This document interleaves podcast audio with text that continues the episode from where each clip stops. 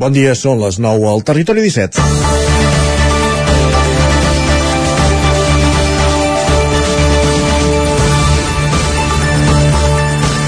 Avui ens hem llevat amb un dia serè i fred, propi de les ventades que han d'afectar moltes comarques catalanes i l'endemà d'uns esperats, però insuficients, ruixats, i anant cap a la feina i veient com el sol il·luminava el Montseny, Sant Sebastià o l'altiplà de Lluçanès des de la plana estant. Per tant, és un bon dia per parlar de maneres d'alimentar els ulls, la mirada. Sortíem de l'hivern ja fa uns quants mesos, quan un bon amic ens va portar d'excursió cap a la Sagarra per avançar en un projecte artístic fotogràfic amb el que està treballant. Un cop allà vam decidir completar el dia voltant per les comarques de Lleida i vam aterrar a Planelles. Aquest poble, que s'ha fet popular perquè no hi ha cap paret blanca ni de totxo, a còpia d'anys, l'art del grafit s'ha apoderat de les seves parets i és molt recomanable deixar-se portar pels carrers del poble a la descoberta de grans murals relacionats o no amb el poble, relacionats o no amb l'edifici on estan pintats parèntesi pel totó de Cinema Paradiso que hi ha al lateral de la sala de cinema. Algú al Consell Comarcal d'Osona o a Osona Turisme va tenir clar que aquesta és una idea que calia exportar i des d'aquest mes de novembre hi ha pràcticament una vintena de murals en parets del Pen, Sant Bartomeu del Grau, Sant Julià de Vilatorta, Prats de Lluçanès o Manlleu, que se sumen a altres iniciatives que hi ha hagut a la comarca, a les escoles de l'Esquirol i Roda o en qualsevol paret on artistes de casa nostra, com Manel Catllà, autor de cares espectaculars plantades en parets a diversos punts d'Osona, han signat per parets públiques i privades. Menció part de la capitalitat de la cultura catalana Vic de l'any 2016, que van fer tot de grafits, on ara s'hi acaba d'inaugurar una biblioteca, la Pilar Imbaies. Cal felicitar la iniciativa. Primer a Blanelles i després a tots els pobles i ciutats que van replicant la iniciativa a casa nostra. L'art és una manera d'alimentar la mirada, de posar el focus en fets i situacions, una eina de denúncia i, sobretot, de debat i l'art de carrer, una de les formes més evidents de democratitzar-lo, i el debat que es pugui generar a l'entorn d'un o altre mural no fan més que enriquir-nos. És dimarts, 22 de novembre de 2022, amb una mirada més oberta comença el Territori 17 a la sintonia de la veu de Sant Joan, Ona Codinenca, Ràdio Cardedeu, Ràdio Vic, el 9 FM i també el 9 TV, Twitch i YouTube. Territori 17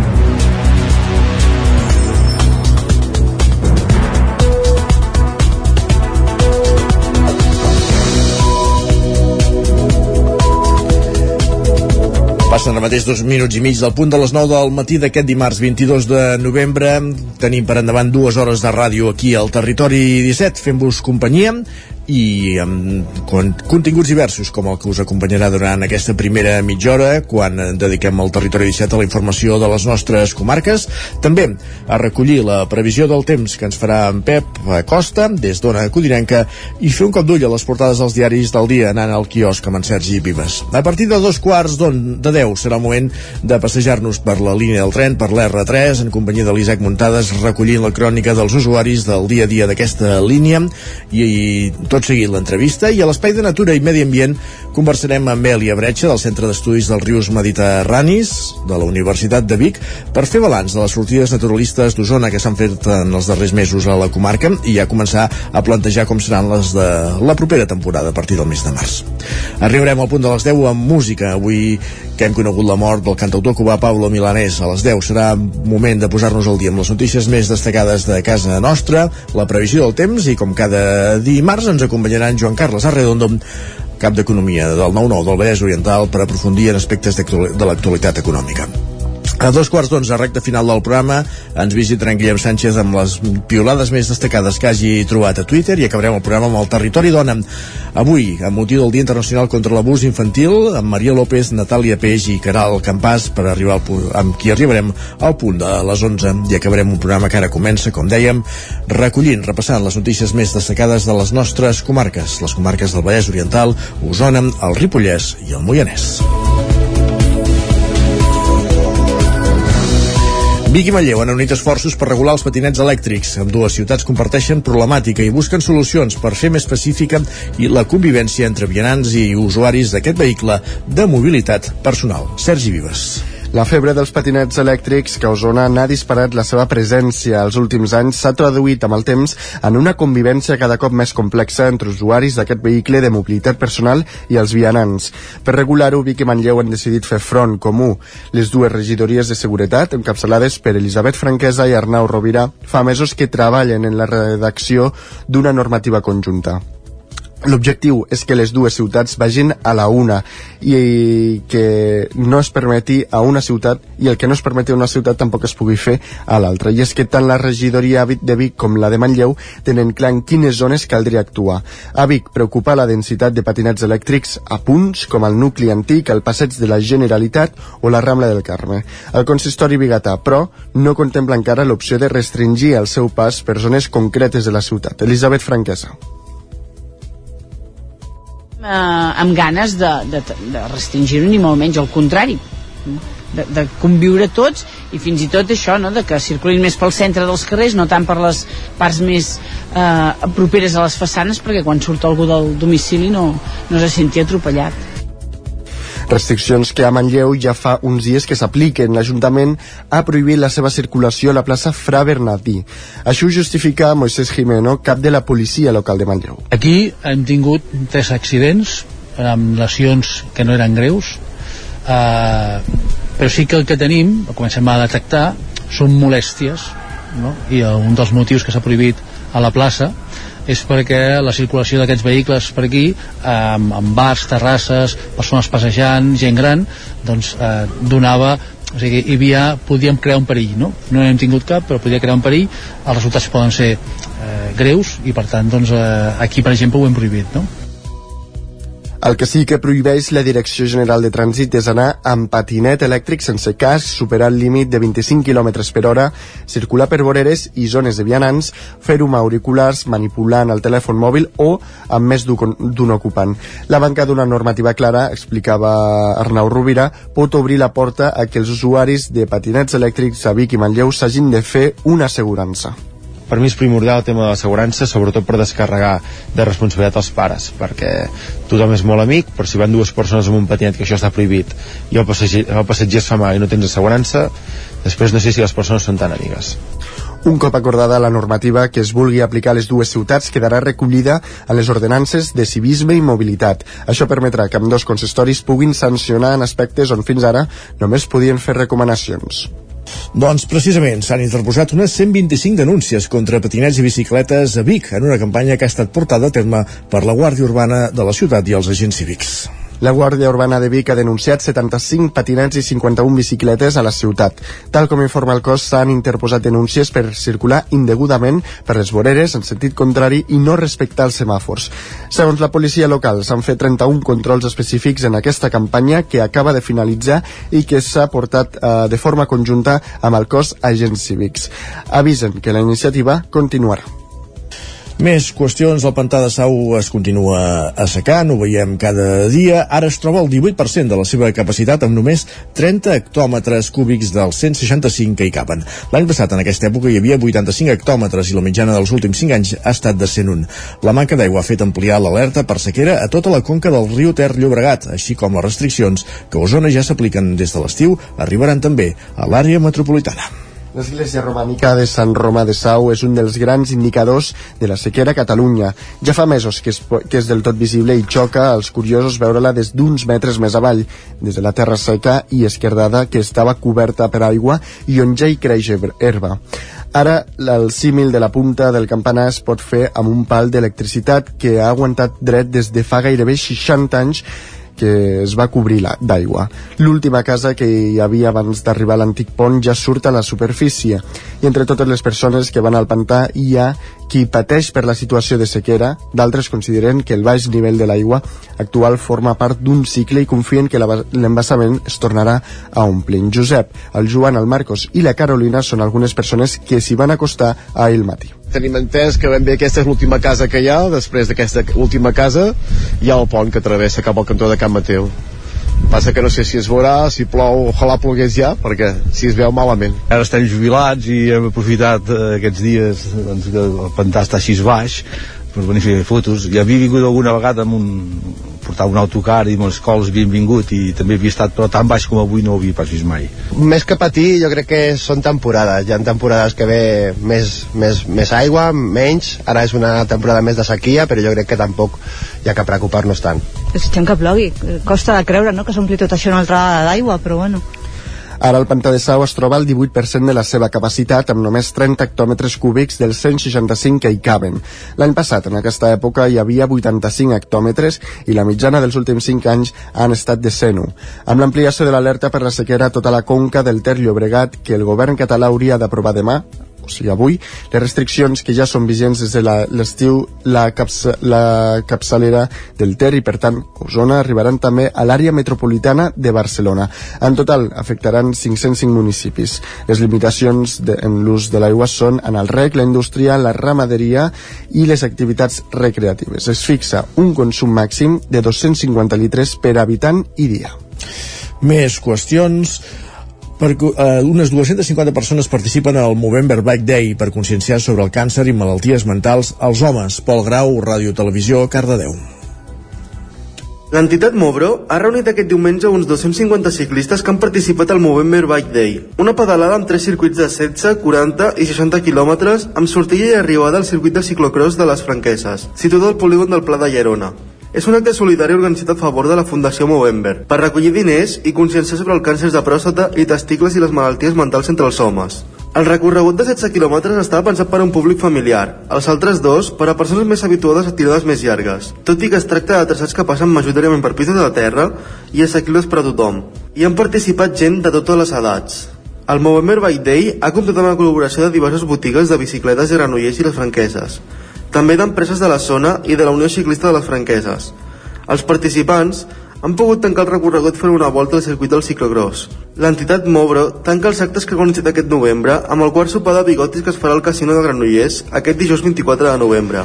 Caldes de Montbui reprèn el projecte educatiu de ciutat després que quedés aturat per la pandèmia, que era el campàs, zona codinenca.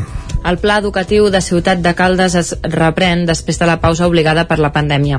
La represa d'aquesta eina participativa, que té com eix central l'educació, serà el 30 de novembre, coincidint amb el Dia Internacional de les Ciutats Educadores a la sala Pilaznar de les Cases dels Mestres.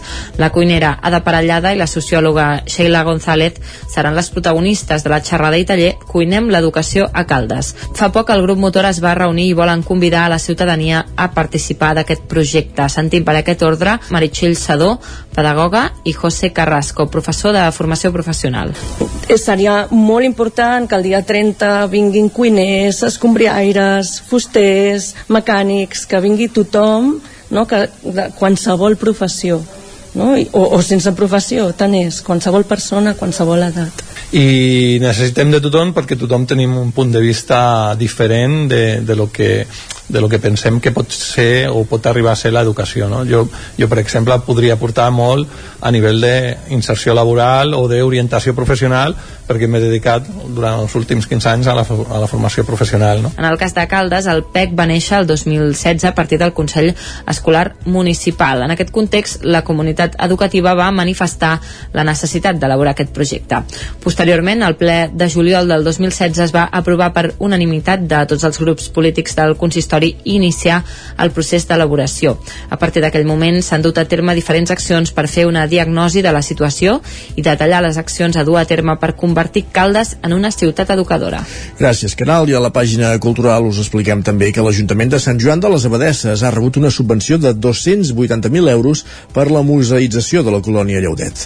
Isaac Muntades, la veu de Sant Joan. El projecte de museïtzació de la colònia Lleudet de Sant Joan de les Abadeses continua agafant forma i és que l'Ajuntament Sant Joaní ha rebut 280.000 euros més d'una ajuda que s'emmarca en el programa d'Impulso a la Rehabilitación de los Edificios Públicos, el PIREP, que prové del Ministeri de Transports, Mobilitat i Agenda Urbana per a la tercera fase de la rehabilitació de la nau, que segons va dir l'alcalde Ramon Roquer, està en una fase intermèdia de l'obra. La veritat és que estem, jo crec que no punt mig, segurament. Ens queda segurament doncs, 8, 9, 10 mesos per poder acabar tota l'obra i poder instal·lar aquest museu. Serà, serà de fet un museu molt digitalitzat, molt, molt virtual, perquè el que volem és que aquests espais també eh, puguin tenir altres usos, espais doncs, per emprenedors, també creatius, persones que puguin treballar des d'aquest equipament públic en, en pro de, del propi propi polígon i també del municipi. La subvenció permetrà acabar la tercera fase destinada a fer instal·lacions, tancaments i tots els elements relacionats amb l'eficiència energètica. Les dues primeres fases van centrar en la consolidació, rehabilitació i reforç de l'estructura de l'edifici, així com la creació de l'aparcament. En la quarta fase es preveu la museïtzació de l'espai. L'Ajuntament ha rebut moltes subvencions per arribar al cost total d'un milió d'euros i només hi ha hagut de posar el 10% dels diners. Vam començar doncs, amb una aportació inicial de l'Ajuntament i del propi Incasol,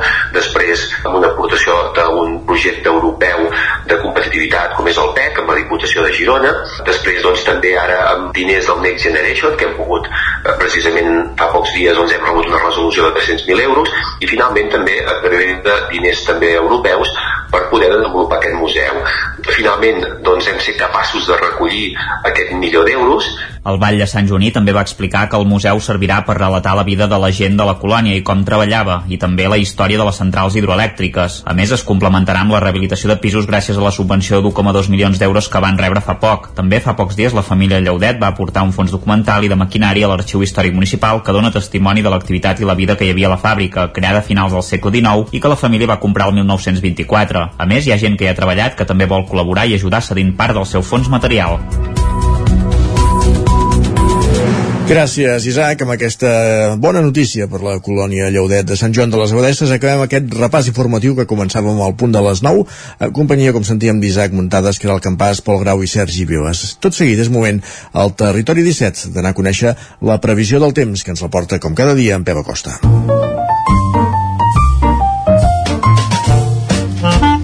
Casa Terradellos us ofereix el temps. Un minut que passa d'un quart de 10 del matí, anem a una codinenca, Pep Acosta, bon dia. Benvinguts a l'espai del temps, què tal esteu, com va tot?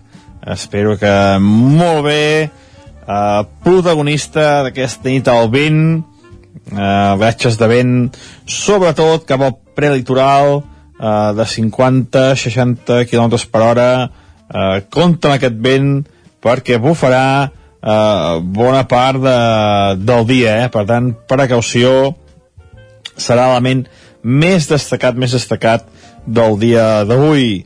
Ahir ens va passar un front, un front novament de tercera o quarta categoria, només pluges una mica destacables cap a cap a part occidental del Pirineu eh, cap a les nostres comarques cap al Pirineu Oriental, cap al Pretoral molt poca cosa molt escafeinat aquest front eh, una pluja eh, molt molt tímida només una mica més destacable en algun sector del nord d'Osona també cap al Pirineu en cada 10-15 litres ni de bon tros ajuden a pal·liar aquesta enorme sequera que, que estem tenint. Ahir sortint estadístiques la zona preditoral, el Moianès, Osona, eh, Vallès, Osona, eh, Moianès, és, és la zona de Catalunya on hi ha eh, més sequera. En aquests dos últims anys en aquests últims anys hi ha hagut una sequera eh, més important. Eh, eh, sens dubte una notícia molt, molt dolenta i és que tenim eh, una situació molt extrema ja hi ha, ahir es va eh, eh, tots els senyals d'alarma ja es van disparar. I és que hi ha el decret de sequera eh, a tota l'àrea de, de Barcelona, tota l'àrea de conurbació urbana i aquest avís de, de gran sequera. I ja, no, ja hi ha les primeres mesures a adoptar. Situació molt, molt preocupant. I que sense cap mena de dubtes no, no solucionarà en els pròxims dies. Aquesta nit ha fet més fred, eh, juntament amb, amb el vent i les temperatures que han baixat, encara augmenta més aquesta sensació de fred. Eh, unes temperatures entre els 0 i els 5 graus, la majoria de mínimes, àmpliament per sota dels 0 graus al Pirineu, glaçades de 7, 8 sota 0 són les més altes, i a les poblacions del Pirineu també temperatures negatives, 1, 2, 3 sota 0. Una mica de fred per fi a les nits ja, ja va bé, eh? ja va bé, eh? Atenció, també, com deia, aquest vent que bufa aquesta hora i bufarà durant tot el dia, fruit d'aquest front que ens va abandonar i que ens va deixar ahir aquestes quantitats de pluja tan poc destacables com he comentat abans. Avui l'estat del cel força despejat al matí, molts pocs núvols. De cara a la tarda sí que augmentaran mica els núvols, cel més enterbolit, però en cap cas tampoc no deixarà cap precipitació. Uh, avui no tindrem precipitacions, només està nevant cap a la cara nord del Pirineu, cap al Pirineu més occidental, al Pirineu oriental, no tindrem precipitacions. Serà un dia força assolellat, només, com deia, algun núvol més a la tarda, molt poca cosa. I les temperatures màximes, la majoria entre els 12 i els 15 graus, temperatures força baixes durant tot el dia d'avui. Ja toca, ja toca aquestes temperatures una mica més baixes. I a disfrutar el dia d'avui. Espero que tingueu un gran dia. Moltes gràcies, adeu. Nosaltres també ho, desitge, ho desitgem i també per tu, evidentment, Pep. Moltes gràcies, parlem d'aquí una estona i ara mateix que passen justos 20 minuts del punt de les 9 del matí, el que fem és anar cap al quiosc. Casa Tarradellas us ha ofert aquest espai. Territori 17. Envia'ns les teves notes de veu per WhatsApp al 646 079 023. 646 079 023. WhatsApp Territori 17.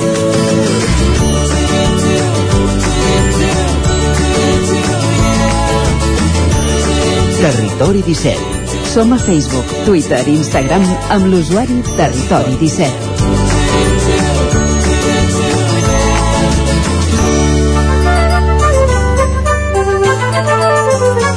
Doncs això, és moment de fer un cop d'ull a les portades dels diaris que avui podem trobar al quiosc.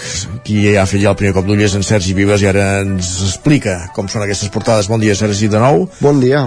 Què hi trobeu avui, els diaris, per on comencem? Doncs mira, comencem pel punt avui, eh, que destaca l'alerta per la sequera. Uh -huh. eh, expliquen que s'amplia la reducció de l'ús de l'aigua a l'àrea metropolitana de Barcelona. Aquí va, val la pena posar-hi l'accent, eh? Amb això s'amplia el, el decret de restriccions, perquè hi ha comarques on fa temps que ja estem amb, amb, amb, amb restriccions, uh -huh. però vaja, com que ara s'amplia la gran metròpoli, sembla que, que s'aturi el món, però va, ja està, a punt que havíem de fer des de comarques, No, ja està, sí, sí, sí. dit. I també expliquen la tímida reivindicació a Qatar.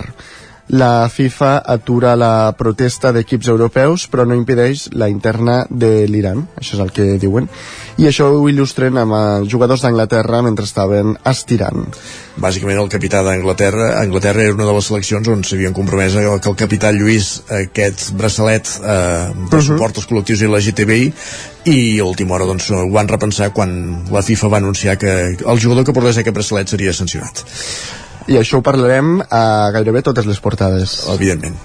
Uh, I també destaquen que la meitat dels catalanoparlants uh, no veuen la llengua amenaçada. Quina sort. Sí, no? Això és, va, va ser optimista. El periòdico destaca que els intents d'autolesió creixen en els adolescents. Expliquen que es detecten casos en més d'un 20% de joves de 14 a 18 anys. I destaquen també que Giro uh, mesura les seves opcions a Junts per ser candidat a les autonòmiques. Ara les autonòmiques? Sí, sí. Giró, candidat de Junts a les eleccions al Parlament, que clar, les eleccions al Parlament, si no s'en- si no s'avancen, encara, encara va- ben bé per un encara any sí, sí, sí. i mig, però vaja. Més qüestions. I el periòdico fa un resum del que portem de Mundial amb dues paraules, gols i infàmies. Per Doncs sí, tant, estan ben resumits. Sí. La Vanguardia destaca que el govern central arriba a un pacte amb la banca per ajudar als hipotecats i posen una fotografia que ocupa gran part de la portada per dir que l'afició iraniana al Mundial exigeix llibertat i es veuen els aficionats alçant una bandera amb les paraules dona, vida i llibertat. En aquest, en aquest cas sí, doncs que la selecció iraniana clama contra eh, contra L'opressió de les dones, eh. de les dones al seu país, però no, en aquest cas eh, és com bé deia el, aquell titular anterior és l'única reivindicació que es permet la que va contra els drets que no es permeten a- al Qatar. Aquestes són les que s'han sobre les que s'han coartat la llibertat.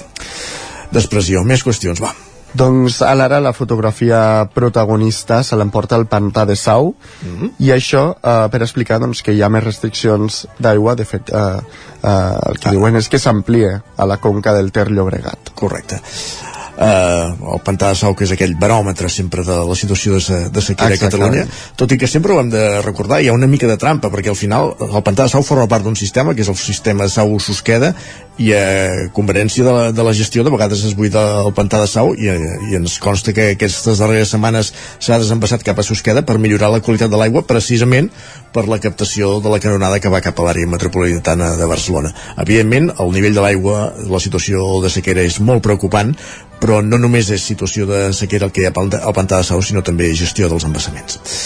Més qüestions. Que si, no hagués, si no fos per la sequera no s'hauria no d'aguditzar aquesta gestió. Sí. tot, tot és un peix que es mossega la cua. Doncs anem cap a Madrid, va. El país destaca que la Fiscalia ha refusat baixar penes si encaixen en la llei del sí sí i amb una fotografia que ocupa gran part de la portada expliquen que els metges d'atenció primària es planten a Madrid i aquí els veiem doncs, en una manifestació. déu nhi uh, el fregat amb el que s'ha posat la presidenta de la comunitat de, de bueno, Madrid, el fregat però tornarà a guanyar, ja ho veuràs sí? sí Sí. podem fer, podem, ens hi podem jugar algun pèsol va, ara, molt bé Sergi uh, i també déu nhi els mal de caps que porta Irene Montero amb el tema de la llei sí. del només sí i en els darrers ara, ara les portades de Madrid això ho comenten bastant som-hi Um, i de fet també al país eh, uh, destaquen que Catalunya limita l'ús de l'aigua a 6,6 milions de persones per la sequera ells posen xifres sí, esclar okay. gairebé, havent-hi sumat l'àrea metropolitana gairebé és tothom però no, clar, clar. L'ABC destaca que Montero es va saltar la consulta pública per la llei del sí és sí i també diuen que la FIFA doncs, ordena callar i jugar i això doncs, ho diuen per, uh, per, a, per la renúncia no, a lluir aquests braçalets arquiris als jugadors, uh, als jugadors del Mundial. Uh mhm. -huh. El Mundo destaca que el PP anima a Feijó a ser avui implacable amb Sánchez.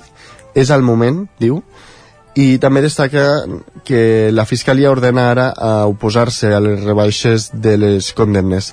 I amb una fotografia dels jugadors de l'Iran en el seu partit al Mundial diuen que l'orgull el posa l'Iran. I això doncs perquè la selecció desafia el règim a negar-se a cantar l'himne mm, a l'himne en protesta per la repressió a les dones al seu país. I, I la Razón diu que Sánchez protegeix a Montero front a les crítiques del PSOE i aquí el veiem en una fotografia després de la seva intervenció d'ahir. I també destaquen que l'OTAN alerta sobre l'extensió del conflicte a Ucraïna. Perfecte, re, tenim re, 30, 20 segons per fer un cop d'ull als digitals, al 99.cat d'Osona i el Ripollès. Doncs mira, uh, no els tenia preparats. No els, teníem no els tenia preparats. Va.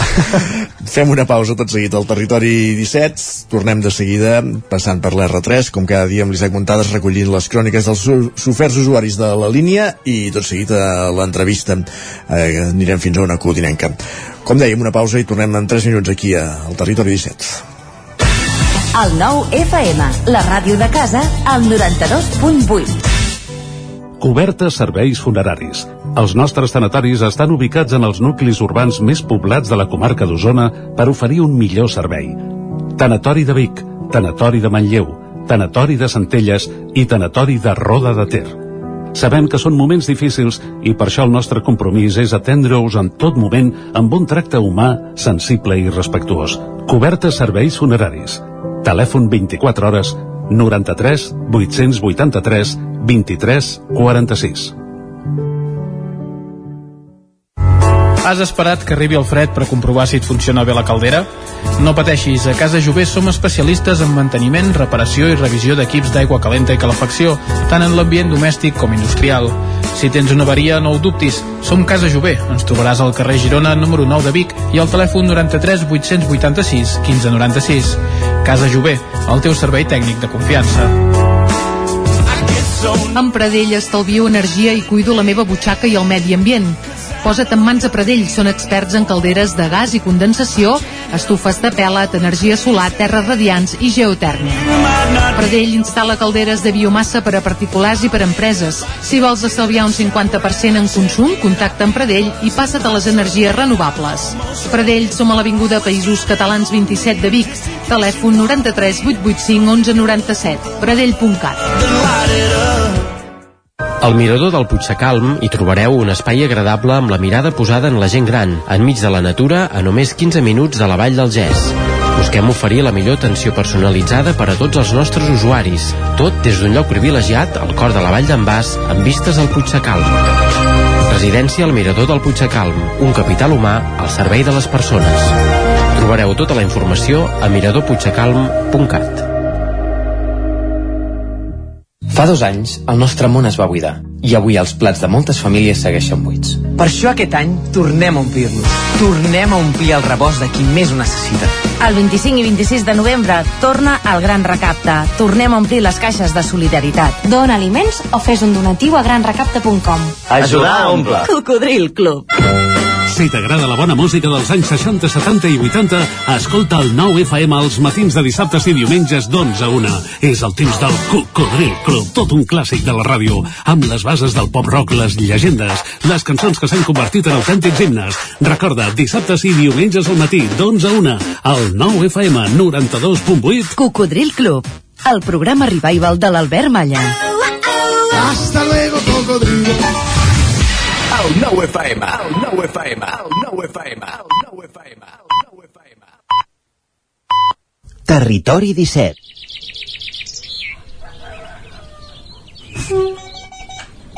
A Tren d'Alba. Cada dia els usuaris i usuàries de la línia R3 de Rodalies que veuen sortir el sol des d'un vagó ens expliquen les gràcies i les penes del primer comboi que uneix Ripoll i Barcelona o les feixugues jornades amb el tren després de treballar.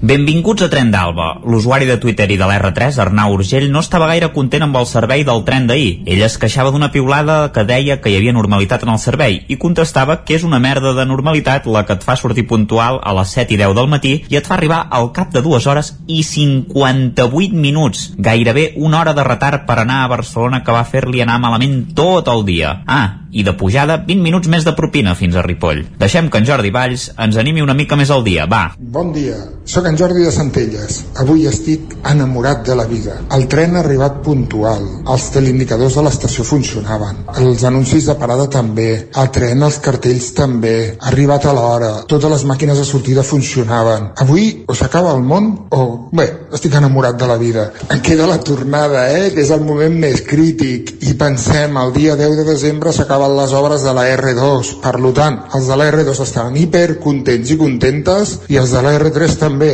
Ens caieu molt bé gent de la R2 que pugeu a Mollet i a Granollers, ens caieu molt bé, però és que anirem més amples tots, de veritat, perquè aquests de Rodalia, Renfe, Adif, les Tres Maries, no han pensat en posar trens més llargs, no, no, ells han seguit fent el mateix. Per tant, no han pensat en nosaltres. Si marxeu, anireu més còmodes i nosaltres més amples. Ai, avui ha de ser un gran dia.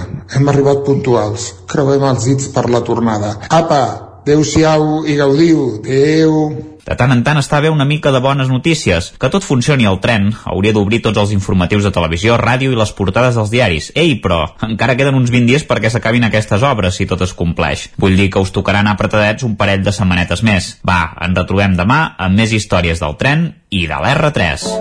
Territori 17, el 9 FM, la veu de Sant Joan, Ona Codinenca, Ràdio Cardedeu, Territori 17.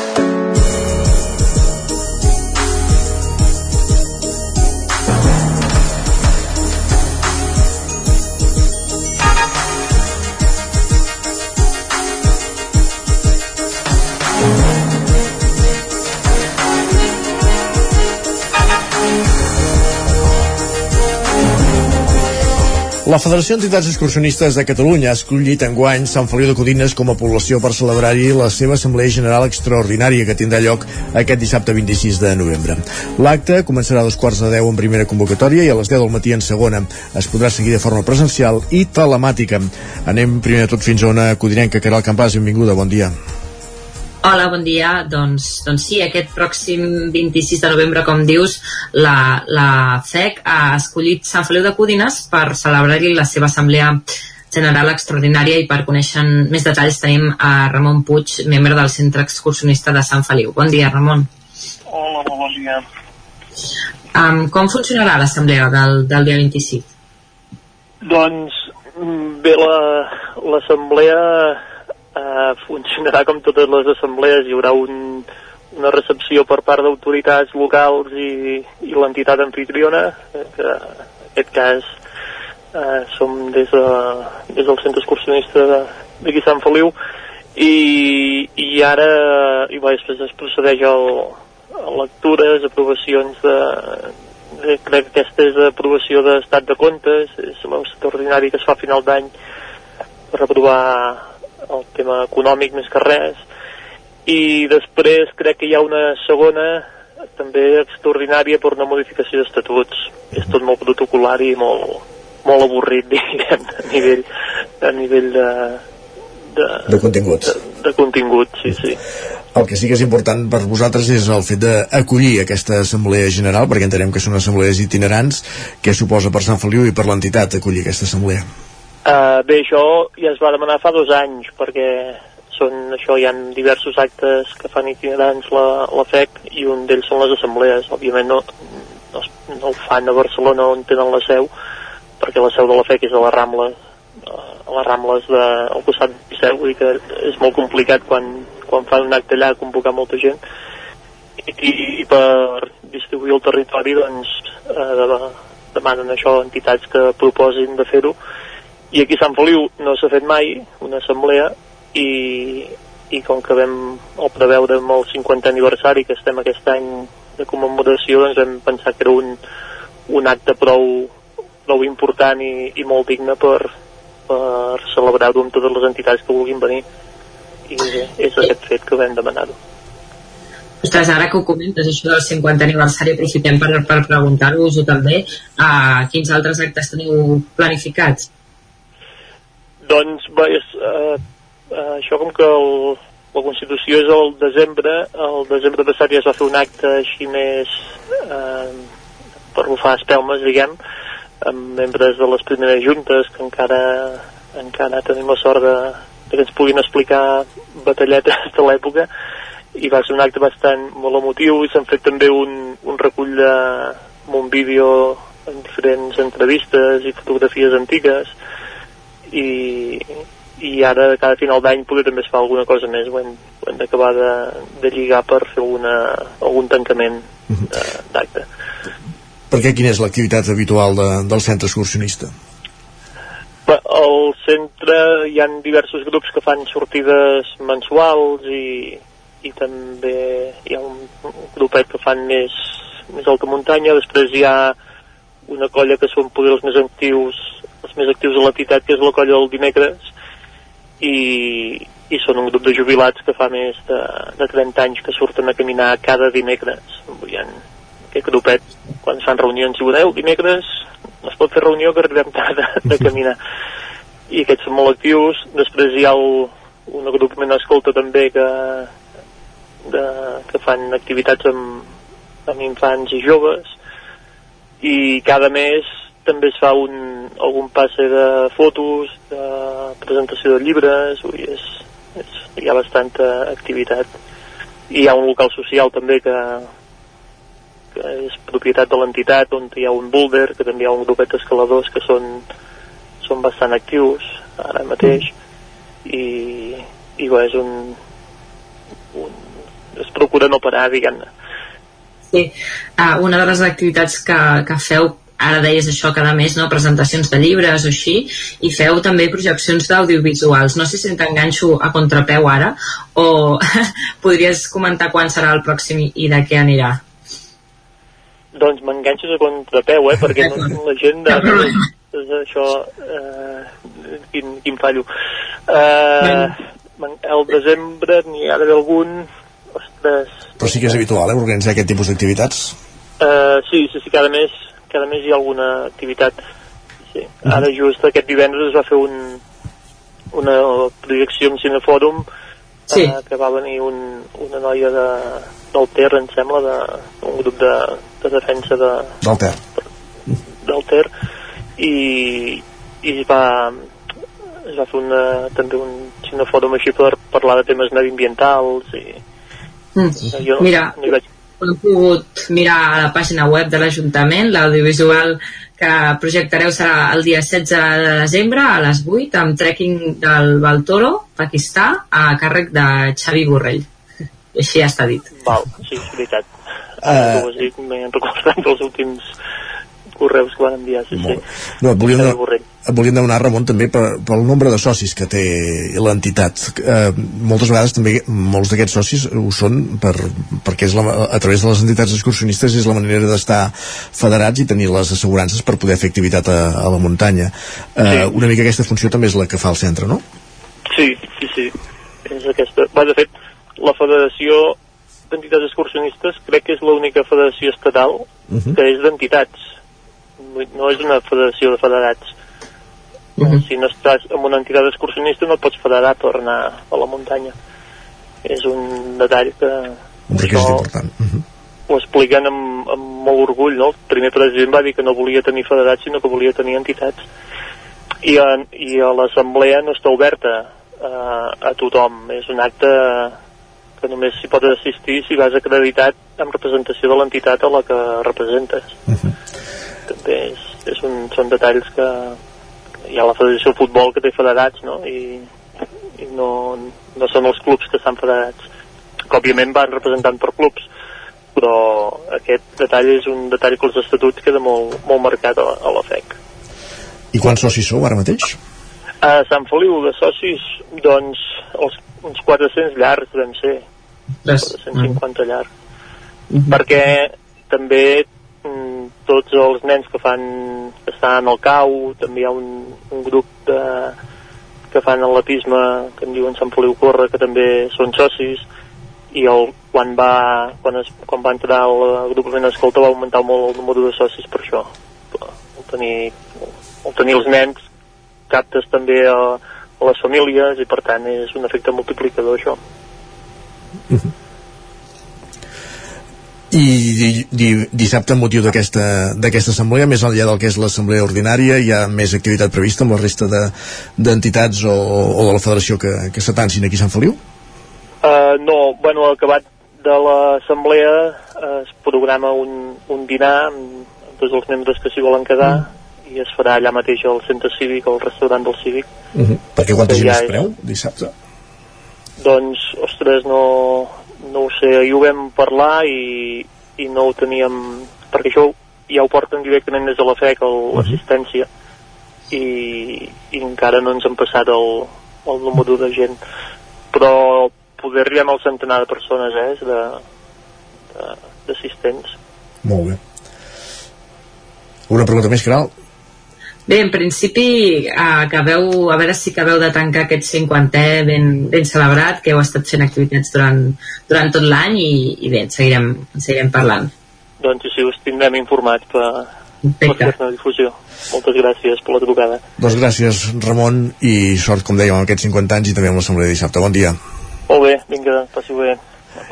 Gr Bon dia. Gràcies també, Caral, per acompanyar-nos eh, un dia més a, a l'entrevista. Avancem al territori 17, tot seguit parlem de, de natura i medi ambient en companyia de l'Èlia Breixa des del Centre d'Estudis dels Rius Mediterranis de la Universitat de Vic.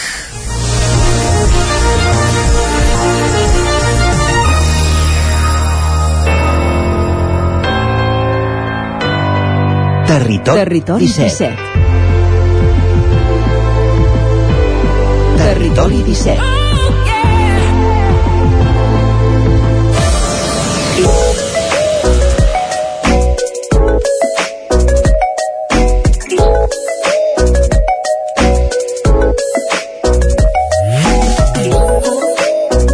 Doncs ja sabeu que els dimarts dediquem aquesta darrera part de la primera hora a parlar de meteorologia, de medi ambient, de natura i un cop al mes ens acompanya eh, des del Centre d'Estudis dels Rius Mediterranis de la Universitat de Vic, ubicats físicament al Museu del Ter i avui qui ens acompanya des del centre és l'Èlia Bretxa. Benvinguda, Èlia, bon dia. Hola, bon dia, Isaac. Com estem? Què tal? Molt bé. Vam parlar mesos enrere amb tu, quan començava la temporada, de les sortides naturalistes aquí a la comarca d'Osona, unes sortides que organitzeu amb diverses eh, entitats, que aproximadament se'n feia se'n fa una al mes, i cadascuna doncs, amb alguna temàtica concreta. Ara, amb els mesos més de fred d'hivern, entenem que, que es para l'activitat, però sí que és bon moment per fer una mica de balanç de com han anat aquestes, aquestes sortides. És així, eh? Sí, uh, programa que plantegem el calendari cada any, o sigui, normalment comencen les activitats cap al mes de març, finals de febrer, principis de març, i mira, el tancament el vam fer doncs, divendres passat, que ja estem a, a novembre.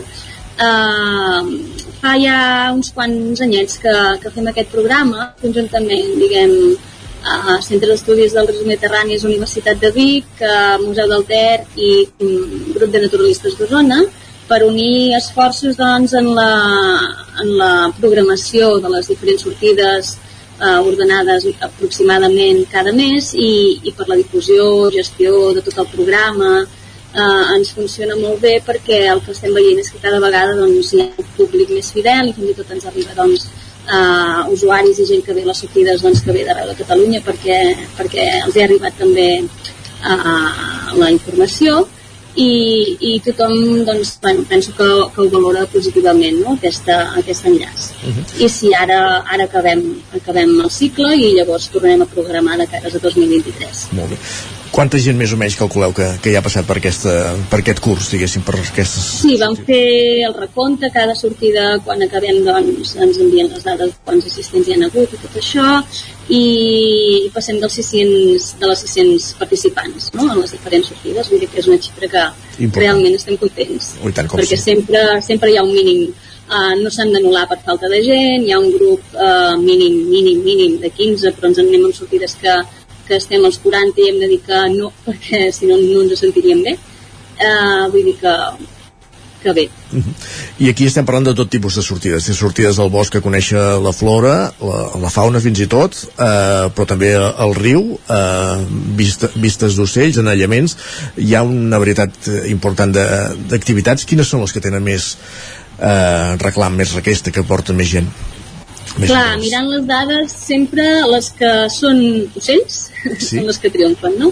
Uh, hi ha sempre un públic que, que bueno, hi ha molts ornitòlegs i, i la gent, doncs, amb famílies amb nens, doncs els hi crida molt l'atenció, eh? però en general ja et dic eh, que totes han tingut uh, bona acollida, però sí, el que és l'anellament uh, sempre, sempre hi passa un públic molt nombrós de gent perquè no és una sortida que comenci i acaba en una hora, sinó que és tota una matinal i la gent pot anar passant per allà i és clar es veu l'animal en viu com els que han pogut anar allà i li posen l'anella llavors s'ensenya a identificar l'espècie llavors s'alliberen, vull dir que és, és una activitat bonica uh -huh. no? Són I... animals espectaculars i que costen de veure moltes vegades no? Tan, de tan a prop sí, tant de prop i per identificar els diferents aspectes ells t'expliquen també una mica doncs, la feina del grup de d'anellament de call de quenes, per què ho fan, quins seguiments fan no? tot una mica una, la vessant més científica d'aquesta sortida també, també s'inclou a part de, de veure l'animal en si eh? uh -huh.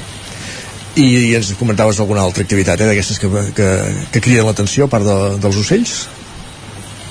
Sí, uh, a veure, és que clar, n'hi ha hagut uh, 20 eh, d'activitats diferents entre diferents grups sí, sí. turístics, faunístics i també de, de geologia, eh? sí. uh, per interpretar l'evolució del paisatge i, i tots els canvis que, que hi ha hagut uh, aquí a la comarca.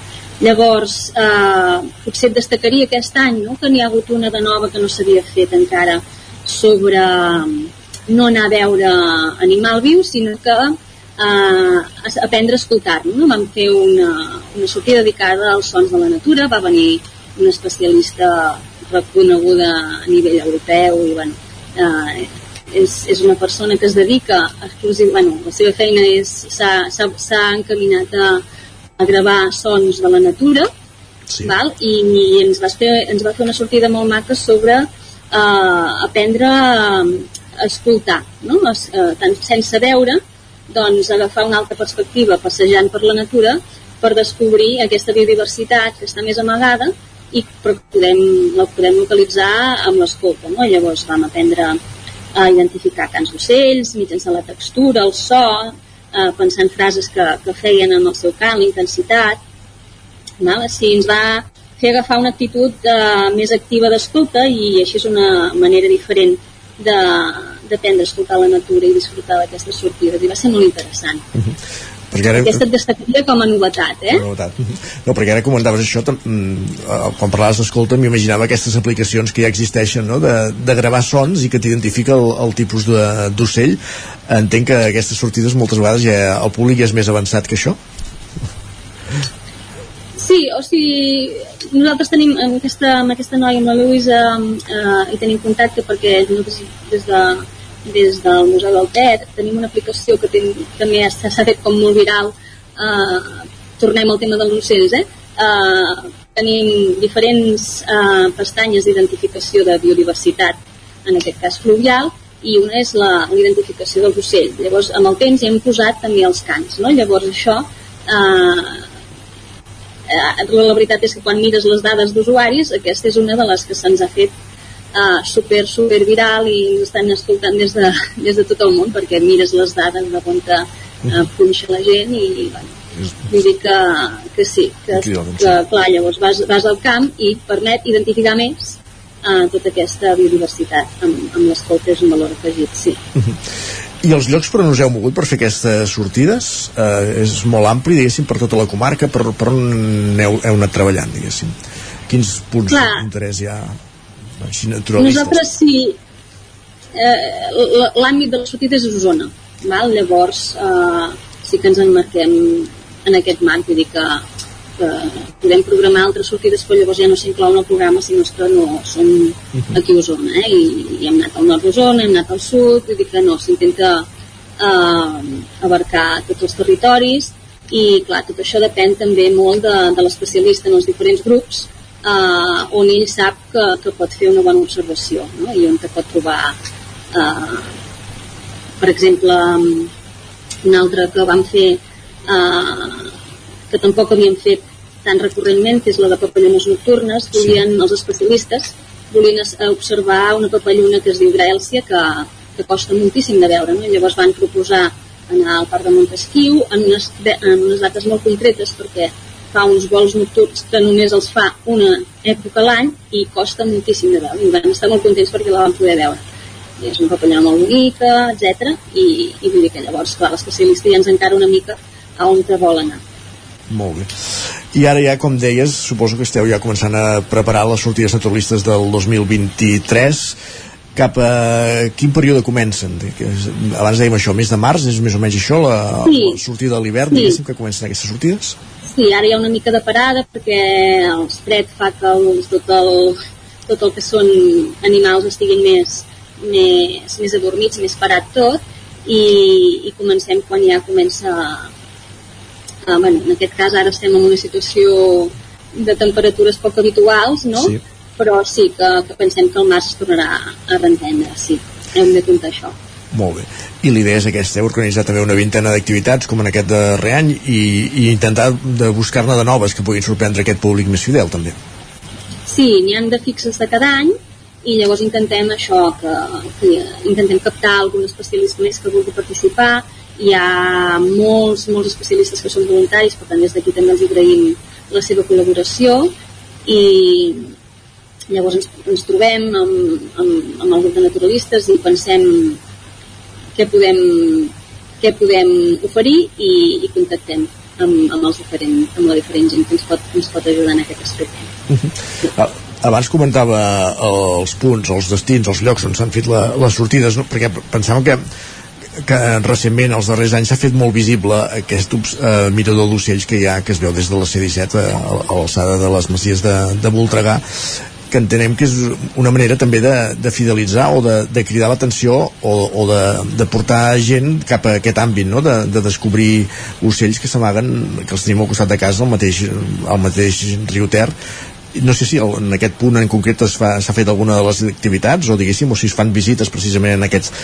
en aquest observador d'ocells diguéssim, per, també per, tenir, per, per poder ensenyar la, el que és profar amb el tema doncs, de, com, com observar, què, què tenir en compte, què, què buscar en els ocells, quin tipus de varietats podem trobar al riu, que, que, que els tenim al costat de casa i potser se'ns escapen, etc etc. no? Mm Mira, ara potser m'acabes de donar una idea per al pròxim, per la Veus? pròxima edició. No, la veritat és que l'Observatori d'Ocells de les Masies de Voltregà, eh, que és l'Observatori d'Ocells de les Ribes del Ter, eh, no, hi hem, no hi hem programat, de fet, cap, cap sortida dins del, del programa aquest en concret, eh, però sí que l'Observatori es va crear per, per, per protegir, de fet, que hi ha una colònia d'ocells nidificants que només és visible, bueno, només estan actius, venen a edificar a partir de finals de gener fins a, fins a mig estiu, no?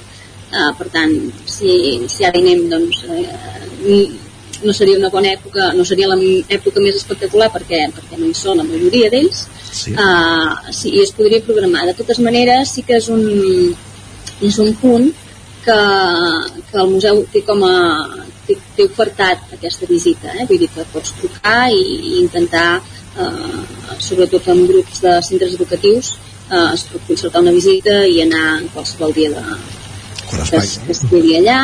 Uh, i el que es vol intentar també és afegir-la en part uh, com una visita de, de, més familiar de diumenges i cap de setmana segurament més de cara a finals de primavera estiu.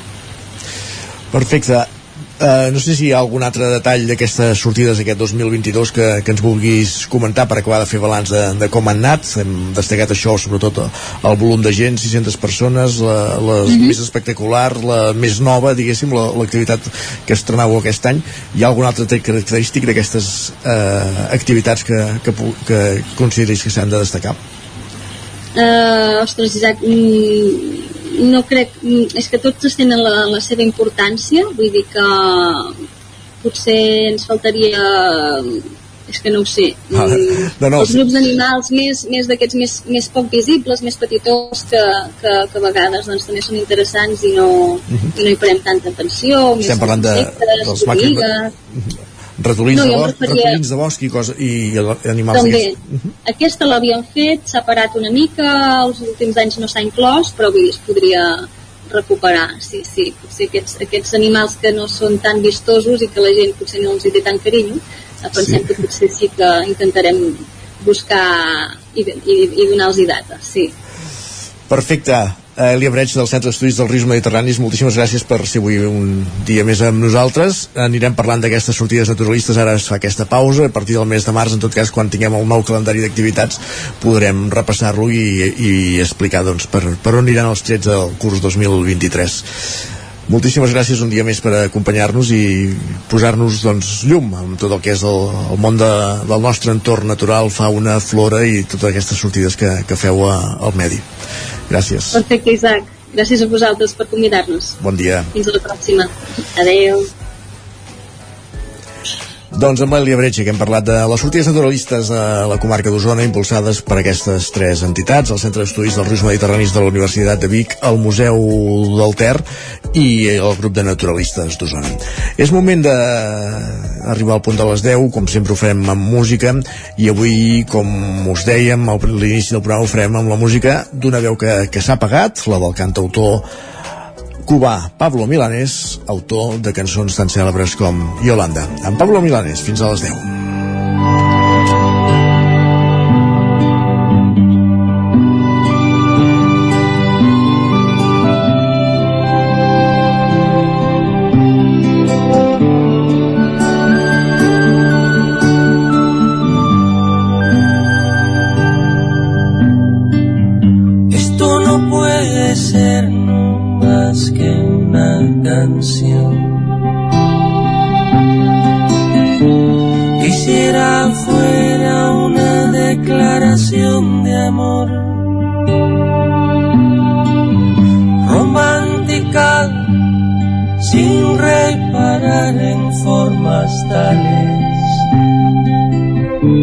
que pongan freno a lo que siento ahora raudales.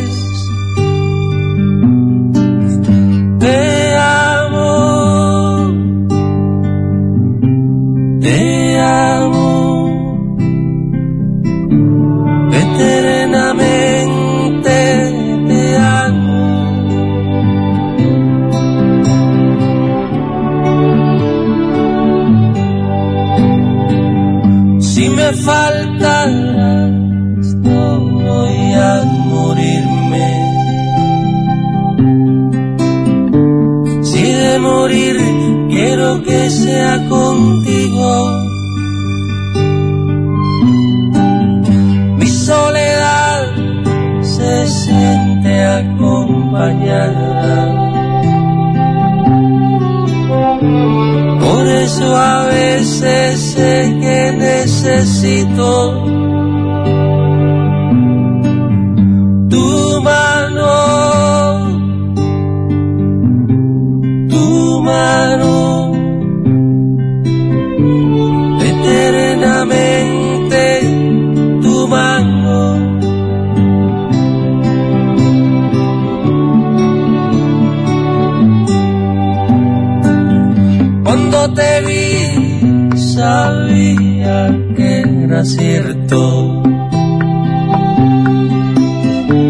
Este temor de hallarme descubierto. Tú me desnudas con siete razones. Y abres el pecho siempre que me colmas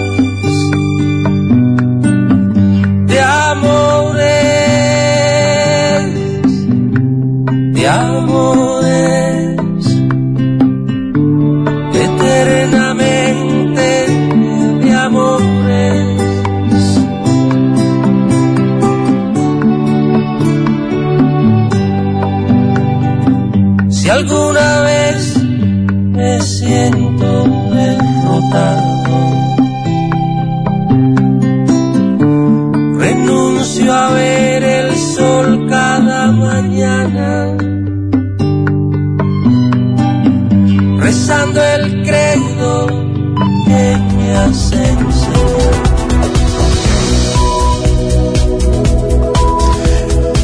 Dimarts 22 de novembre de 2022 és moment al territori 17 de posar-nos al dia, d'actualitzar-nos amb les notícies més destacades de les nostres comarques, el Vallès Oriental, l'Osona, el Ripollès i el Moianès, i ho fem en connexió amb les diferents emissores que dia a dia fan possible aquest programa, Ona Codinenca, Ràdio Cardedeu, La Veu de Sant Joan, Ràdio Vic, el 9FM, també ens podeu escoltar a través del 9TV, Twitch i YouTube. De fet, més que escoltar-nos, a través d'aquests últims tres canals ens hi podeu veure fins i tot.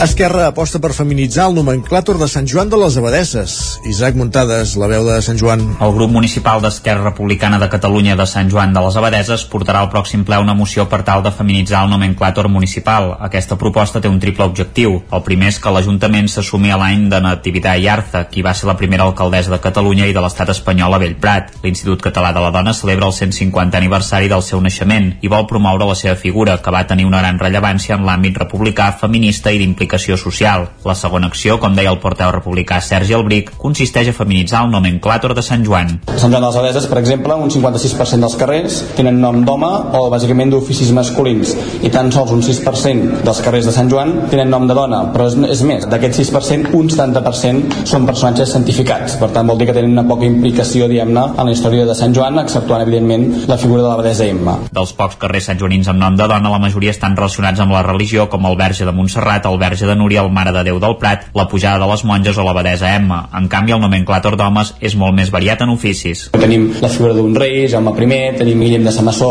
com a president de la Generalitat, tenim bisbes, tenim arquitectes, René Reinals, per tant, tenim molts papers que són indiscutibles a nivell de la història de Catalunya, busquem les dones que també en tenim, no? i per tant, eh, si tenim un guiferer al Pelós, podríem tenir una Guinadell. No? El tercer objectiu de la moció és que es formi un grup de treball perquè debati sobre quines dones poden ser susceptibles d'entrar al nomenclàtor municipal de cara a batejar nous espais públics o carrers de la vila, ja que la idea és no canviar noms de carrers ja existents. El Bric va dir que hi ha molts personatges històrics o més recents que compleixen aquests requisits i que mereixen ser tingudes en compte.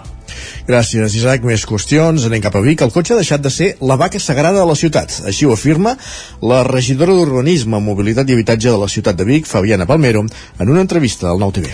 Fabiana Palmero encara no sap si les eleccions municipals de 2023 tornarà a formar part de la llista de Junts per Catalunya a Vic. La seva prioritat abans dels comicis és complir amb totes les tasques del pla de, del mandat.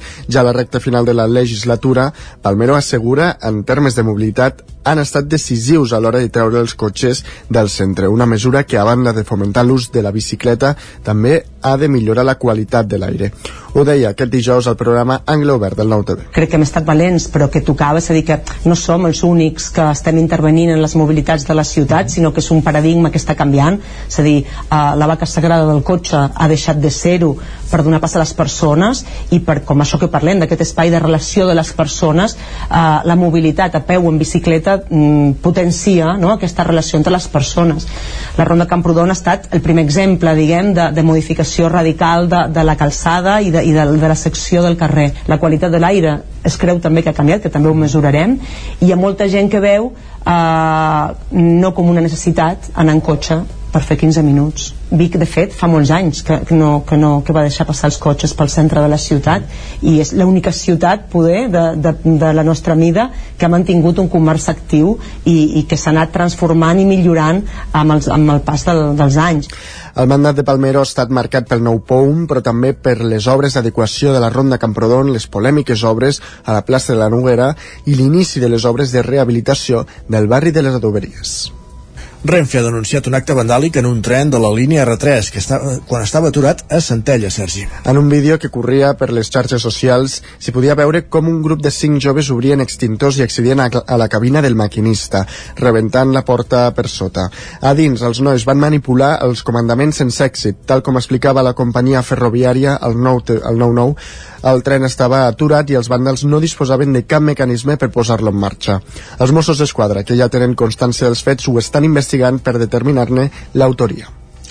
Més qüestions. La Fira de Nadal de Caldes de Montbui durarà enguany 10 dies i comptarà amb més prades que l'edició anterior. Caral Campàs, Ona Codinenca. La 36a edició del Mercat de Nadal de Caldes de Montbui se celebrarà del 2 a l'11 de desembre.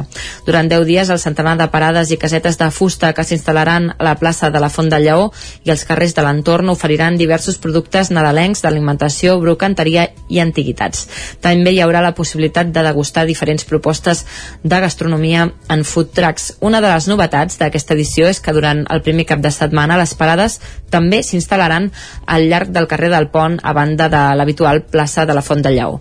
La regidora de Turisme i Termalisme, Carme Germà, en parlava en la roda de premsa d'aquest dilluns al matí. A nivell de parades, aquest any hi ha més parades que l'any passat, el que l'any passat va ser com una mena de represa després del, del període en què no s'havia pogut fer el mercat de Nadal degut a la Covid i aquest any ja tornem a, a, a engegar amb, amb la quantitat total de parades que hi havia hagut fins, o sigui, abans de la pandèmia a la plaça hi seguiran havent aquestes casetes de Nadal que tenen un aspecte més Nadal, de, de mercat europeu de Nadal però després aquest any ja incorporem moltes més parades al voltant de la plaça. Durant els 10 dies de Mercat de Nadal està previst repartir entre els assistents 30.000 racions de brou termal. Per això es faran més de 10.000 litres de brou a l'olla gegant que es farà bullir 6 vegades amb aigua termal, foc de llenya i productes de proximitat.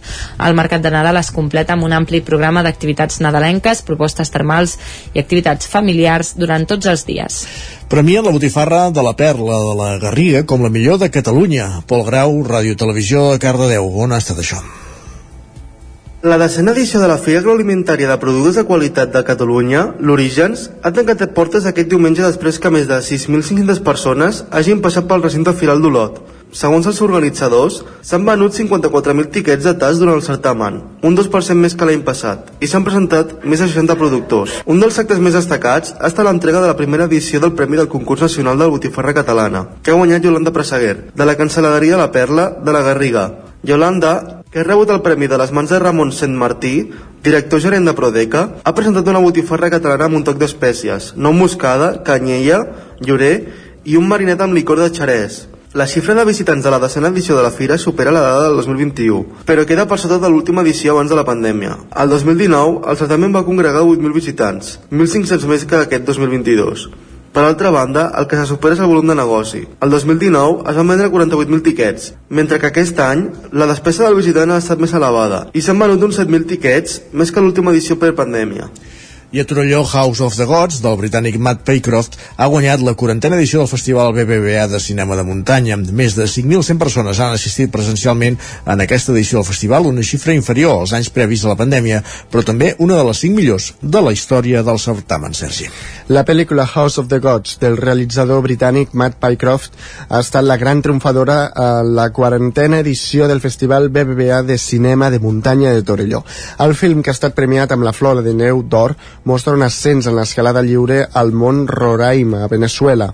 Pycroft va intervenir a la gala amb un vídeo enregistrat dient que aquest premi és el primer que rep en aquest projecte i que és tot un honor ser premiat en un festival tan prestigiós. Els guardons es van lliurar dissabte a la cerimònia de clausura que va presidir la consellera d'Acció Exterior, Meritxell Serret. Necessitem reivindicar aquesta cultura rural, conèixer com la natura eh, ens condiciona perquè crec que segurament l'havíem desconnectat potser massa i per tant aquests festivals ajuden a reconnectar, ajuden a donar-nos que ens hi va la vida.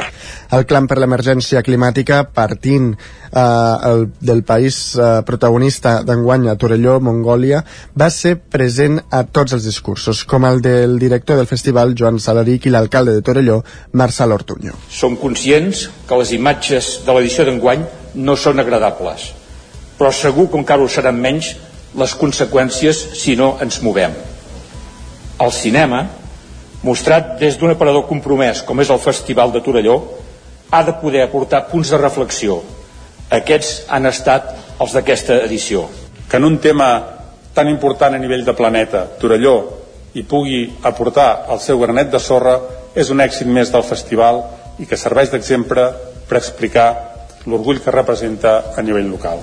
El palmarès el completen noms com la llista Everything or Nothing del canadenc Eric Cosland, que ha guanyat la Flor de Neu de Plata al millor film de muntanya. I entre els premis destacats també hi ha, hi ha Jotun, un curtmetratge sobre kayak extrem dirigit per Miquel Sarasola del País Basc. El jurat va fer tres mencions especials, una de les quals per expansió de Montserrat als Alps, del bigatà Miquel Pérez. Gràcies, Sergi. Un últim punt cultural per recordar-vos que l'Ajuntament de Sant Joan de les Abadesses rep una subvenció de 280.000 euros per la museïtzació de la colònia Lleudet. Isaac Muntades, la veu de Sant Joan. El projecte de museïtzació de la colònia Lleudet de Sant Joan de les Abadeses continua agafant forma i és que l'Ajuntament Sant Joaní ha rebut 280.000 euros més d'una ajuda que s'emmarca en el programa d'impulso a la rehabilitació de los edificios públicos, el PIREP, que prové del Ministeri de Transports, Mobilitat i Agenda Urbana per a la tercera fase de la rehabilitació de la nau, que segons va dir l'alcalde Ramon Roquer, està en una fase intermèdia de l'obra. La veritat és que estem, jo crec que punt mig segurament,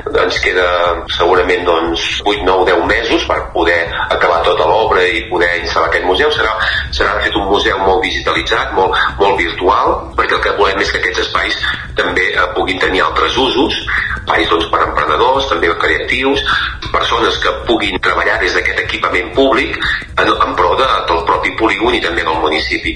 La subvenció permetrà acabar la tercera fase destinada a fer instal·lacions, tancaments i tots els elements relacionats amb l'eficiència energètica. Les dues primeres fases van centrar en la consolidació, rehabilitació i reforç de l'estructura de l'edifici, així com la creació de l'aparcament. En la quarta fase es preveu la museïtzació de l'espai. L'Ajuntament ha rebut moltes subvencions per arribar al cost total d'un milió d'euros i només hi ha hagut de posar el 10% dels diners. Vam començar doncs, amb una aportació inicial de l'Ajuntament i del propi Incasol, després amb una aportació d'un projecte europeu de competitivitat com és el PEC, amb la Diputació de Girona, després doncs, també ara amb diners del Next Generation, que hem pogut eh, precisament fa pocs dies doncs, hem rebut una resolució de 300.000 euros i finalment també a través de diners també europeus per poder desenvolupar aquest museu. Finalment doncs, hem set capaços de recollir aquest milió d'euros el Vall de Sant Joaní també va explicar que el museu servirà per relatar la vida de la gent de la colònia i com treballava, i també la història de les centrals hidroelèctriques. A més, es complementarà amb la rehabilitació de pisos gràcies a la subvenció d'1,2 milions d'euros que van rebre fa poc. També fa pocs dies la família Lleudet va aportar un fons documental i de maquinària a l'Arxiu Històric Municipal que dona testimoni de l'activitat i la vida que hi havia a la fàbrica, creada a finals del segle XIX i que la família va comprar el 1924. A més, hi ha gent que hi ha treballat que també vol col·laborar i ajudar cedint part del seu fons material. Gràcies, Isaac. Acabem aquí aquest repàs informatiu que començàvem a les 10 en companyia d'Isaac Muntades, Pol Grau, Caral Campàs i Sergi Vives. Moment al territori 17 de saludar de nou amb Pep Acosta.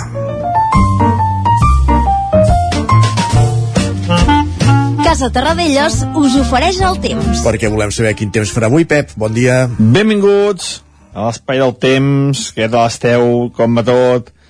Aquesta nit ha fet més fred, eh, juntament amb, amb el vent i les temperatures que han baixat, encara augmenta més aquesta sensació de fred. Eh, unes temperatures entre els 0 i els 5 graus, la majoria de mínimes, àmpliament per sota dels 0 graus al Pirineu, glaçades de 7, 8 sota 0 són les més altes, i a les poblacions del Pirineu també temperatures negatives, 1, 2, 3 sota 0. Una mica de fred per fi a les nits ja, ja va bé, eh? ja va bé, eh? Atenció, també, com deia, aquest vent que bufa aquesta hora i bufarà durant tot el dia, fruit d'aquest front que ens va abandonar i que ens va deixar ahir aquestes quantitats de pluja tan poc destacables com he contat abans. Avui l'estat del cel força despejat al matí, molts pocs núvols, de cara a la tarda sí que augmentarà mica els núvols, cel més enterbolit, però en cap cas tampoc no deixarà cap precipitació. Uh, avui no tindrem precipitacions només està nevant cap a la cara nord del Pirineu, cap al Pirineu més occidental, al Pirineu oriental, no tindrem precipitacions. Serà un dia força assolellat, només, com deia, algun núvol més a la tarda, molt poca cosa. I les temperatures màximes, la majoria entre els 12 i els 15 graus, temperatures força baixes durant tot el dia d'avui. Ja toca, ja toca aquestes temperatures una mica més baixes. I a disfrutar el dia d'avui. Espero que tingueu un gran dia. Moltes gràcies, adeu. Nosaltres també ho desitgem i també per tu, gràcies Pep, des de, conegut la previsió del temps des d'Ona Codinenca amb en Pep Acosta, el que fem tot seguit és parlar d'economia, del corredor mediterrani amb en Joan Carles Arredondo. Fins ara mateix. Casa Tarradellas us ha ofert aquest espai. Territori 17. Envia'ns les teves notes de veu per WhatsApp al 646 079 023. 646 079 023. WhatsApp Territori 17.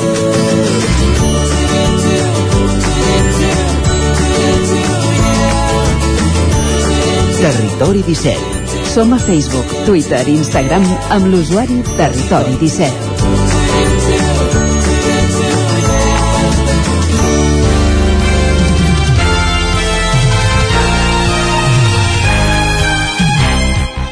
Doncs del corredor mediterrani parlem avui a l'espai d'Economia, l'espai que cada setmana aprofundim amb algun aspecte de l'actualitat econòmica i en companyia d'en Joan Carles Arredondo, cap d'Economia del 9-9 del Vallès Oriental. Joan Carles, benvingut, bon dia. Hola. Hola. Bon dia, bon dia. Mm, Una mica de problemes d'escolta. De, de, mm, T'explicava, mm, tu, tu imagina't que hi ha un país que té amb un espai determinat del seu territori un 44% del, del PIB, la meitat de les seves exportacions, un 53% de població, un 63% del trànsit portuari. Um, podria haver-hi algun país que menys preés aquest espai, diguem-ne? Uh, Espanya. Doncs per estar que, sem que sembla i existeix, es diu Espanya, i diguem-ne que des de fa anys mm, diríem més lustres, diríem més dècades, les administracions i agents econòmics d'aquesta zona, que és la zona, diguem-ne, de, de la zona est de, del país, eh, la zona de Llevant, eh, està demanant eh, millores en el, en el seu transport ferroviari ja no només per una qüestió de riquesa ni tan sols eh, de, per, per equanimitat territorial sinó per ser coherents amb el que demanen els nous temps des del punt de vista ambiental. Eh, aquesta, aquesta infraestructura es diu corredor mediterrani n'hem parlat, portem anys parlant-ne i mm, com es va comprovar l'altre dia en un acte eh, de sectors empresarials encara és lluny de convertir-se en una realitat aquest corredor mediterrani superaria l'ancestral centralisme en què s'han plantejat totes les grans infra infraestructures d'aquest estat sí. i a més a més que diguem aquesta infraestructura respongui a una lògica econòmica elemental a Brussel·les ho han entès a Madrid encara no i aquest diguem-ne que aquí hi ha un problema no? I de... Dèiem això, eh? la setmana passada representants empresarials i polítics de Múrcia, del País Valencià i de Catalunya posaven una vegada més el crit al cel pel retard a totes llums injustificat del corredor mediterrani.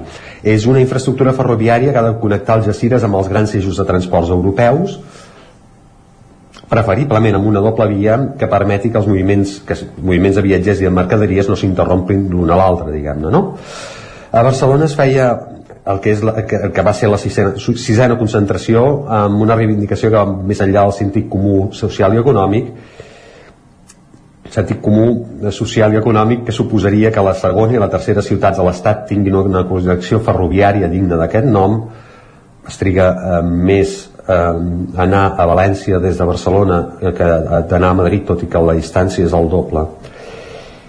També diguem-ne que mm, té sentit econòmic eh, i social sentit comú econòmic i social que un recorregut on hi ha de 6 dels 10 ports amb més trànsit de mercaderies disposin d'una sortida per mitjans menys costosos que posar centenars de camions en carreteres que ja estan prou col·lapsades.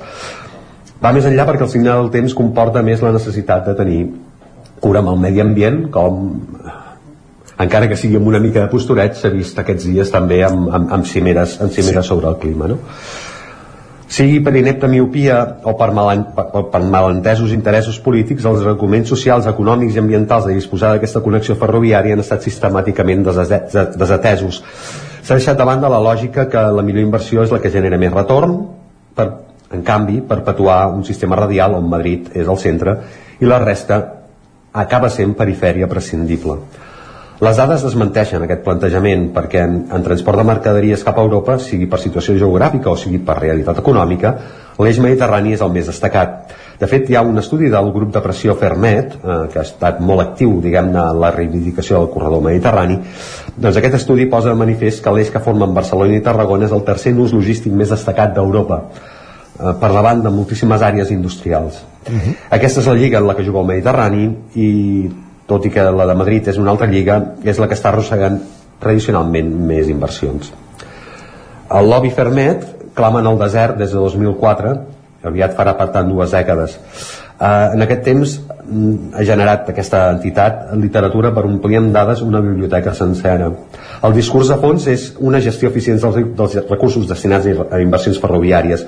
En el fons són recursos públics, que vol dir recursos de tota la ciutadania, i seria desitjable efectivament que es distribuïssin amb una eficiència que permetés una generació de riquesa que posteriorment revertís en aquesta mateixa ciutadania. Per això aquest lobby, eh, la cara més visible de la qual és el català Joan Amorós, sí. ha acusat ara esmenar lleugerament la plana de la Unió Europea i assenyalar que només 18.000 dels 70.000 quilòmetres de xarxa prioritària a Europa per millorar el transport ferroviari de mercaderies són veritablement rentibles. Entre aquests 18.000 quilòmetres, eh, els 4.000 que suposaria la part del corredor mediterrani de la, de la península ibèrica. Eh? Recordem que aquest corredor mediterrani posteriorment es bifurca i arriba fins a Ucraïna entre, en, en, en aquests 8.000 quilòmetres es mou el 65% del trànsit terrestre de mercaderies. Actualment, un 18% d'aquest trànsit terrestre a Europa es fa en tren, el mateix percentatge que el 2004. Uh -huh. A l'estat espanyol, la forquilla dels estudis deixen aquest percentatge amb xifres molt inferiors que farien caure la cara de vergonya, perquè en cap cas, eh, ni les més optimistes, arriben a situar-la en el 5% molt s'haurà d'invertir per arribar al 30% el 2030, el 2030 és aquí al costat, eh? Sí, sí. No, Invertir no i executar, molt. Doncs eh, el compromís de la Unió Europea és que sigui el 30%, eh? Llavors... Uh mhm. -huh. L'acte reivindicatiu de la setmana passada a Barcelona, que convoca una entitat amb nom d'etiqueta a les xarxes, Quiero Corredor, eh, que en el fons aquesta entitat té més impuls a l'Associació Valenciana d'Empresaris que d'altres territoris, això s'ha de dir, diguem-ne que aquí els valencians han sigut, eh, han portat més la bandera de, d'aquesta qüestió. Aquesta entitat va mobilitzar alguns dels empresaris més destacats del País Valencià, també hi havia, hi havia representants d'empresaris catalans, eh? Però un dels més significatius diguem era, era el Juan Roig, el president de Mercadona, eh? Sí. que era una de les cares més visibles. Doncs aquests empresaris valencians van arribar a Barcelona en 20 minuts de radar, diguem-ne que venia a ser com un recordatori de les pèssimes connexions ferroviàries entre les dues ciutats, entre dues de les ciutats més importants de l'eix mediterrani les dues ciutats sí, sí, eh, més importants de l'eix mediterrani a l'Estat. Van constatar fins a quin punt el calendari és un testimoni dels incompliments. L'any passat, en un acte similar, en aquest, en aquest cas es va fer a Madrid, el govern espanyol va es va comprometre a tenir enllestit el corredor el 2025. Aquest any el compromís ja era pel 2026 i no serà estrany que l'any que ve sigui pel 2027 pel camí d'aquests incompliments, moltes empreses interessades a invertir en els territoris implicats han acabat desistint perquè les condicions logístiques i de transport són insuficients. Una qüestió d'eficàcia. Mentrestant, els 51.000 milions que el ministre de Foment de l'any 2011, José Blanco, va augurar que s'invertirien al corredor, han passat a convertir-se en 25.000 milions. Es veu que per l'obra pública no hi ha inflació. No, mai o això, o potser ha passat una altra cosa, que els 26.000 milions que falten s'hagin destinat a altres actuacions que probablement no siguin tan, prioritàries, tan prioritàries no? que accentuarien la realitat de la xarxa ferroviària espanyola. El que posa de manifest la gestió del projecte del corredor mediterrani és una manifesta impotència de l'empresariat perifèric a materialitzar les seves necessitats, però també la falta d'autoritat de la Comissió Europea, que ha decidit que aquest és un eix prioritari i en canvi no s'està executant. La comissió dissenya projectes, els argumenta, els dota de pressupost i els estat, almenys l'espanyol, acaben fent el que volen, encara que, sigui, encara que això que volen sigui manifestament antieconòmic. Realment tenim un problema, com bé dius, amb, amb el corredor mediterrani, perquè és, un, és una evidència que tenim fa molts anys sobre la taula i que veiem impacientment com no, com no s'executa, com no s'avança, no? I, i va en contra del que deies, de totes les directrius, de, de les directrius també ambientals, Em sap greu, etc. No estic sentint gens el que m'estàs dient, eh? Caram, doncs haurem de millorar aquestes connexions, Joan Carles. Uh, entesos, doncs uh, queda clar el missatge, Joan Carles. Moltíssimes gràcies una setmana més. Deixem aquí aquesta comunicació amb en Joan Carles Arredondo, amb la redacció del 9-9 del Vallès Oriental. Amb ell hem aprofundit sobre la situació del corredor del Mediterrani, aquest projecte per unir amb tren doncs, tot el que és la, la banda és de la península ibèrica, pràcticament des d'Andalusia fins a fins al cor d'Europa eh, perquè poder-hi transportar doncs, les mercaderies que molt, moltes de les quals ara eh, es transporten a través de, de carretera. Un projecte doncs, que mai s'ha prioritzat com bé evidenciaven les xifres que ens, donava Joan Carles des dels governs que hi ha hagut a, a l'estat espanyol amb l'espai d'economia tanquem aquesta primera mitja hora o aquesta tercera mitja hora del territori 17 d'avui. Eh, hem parlat, com dèiem, amb Joan Carles Arredondo del corredor mediterrani.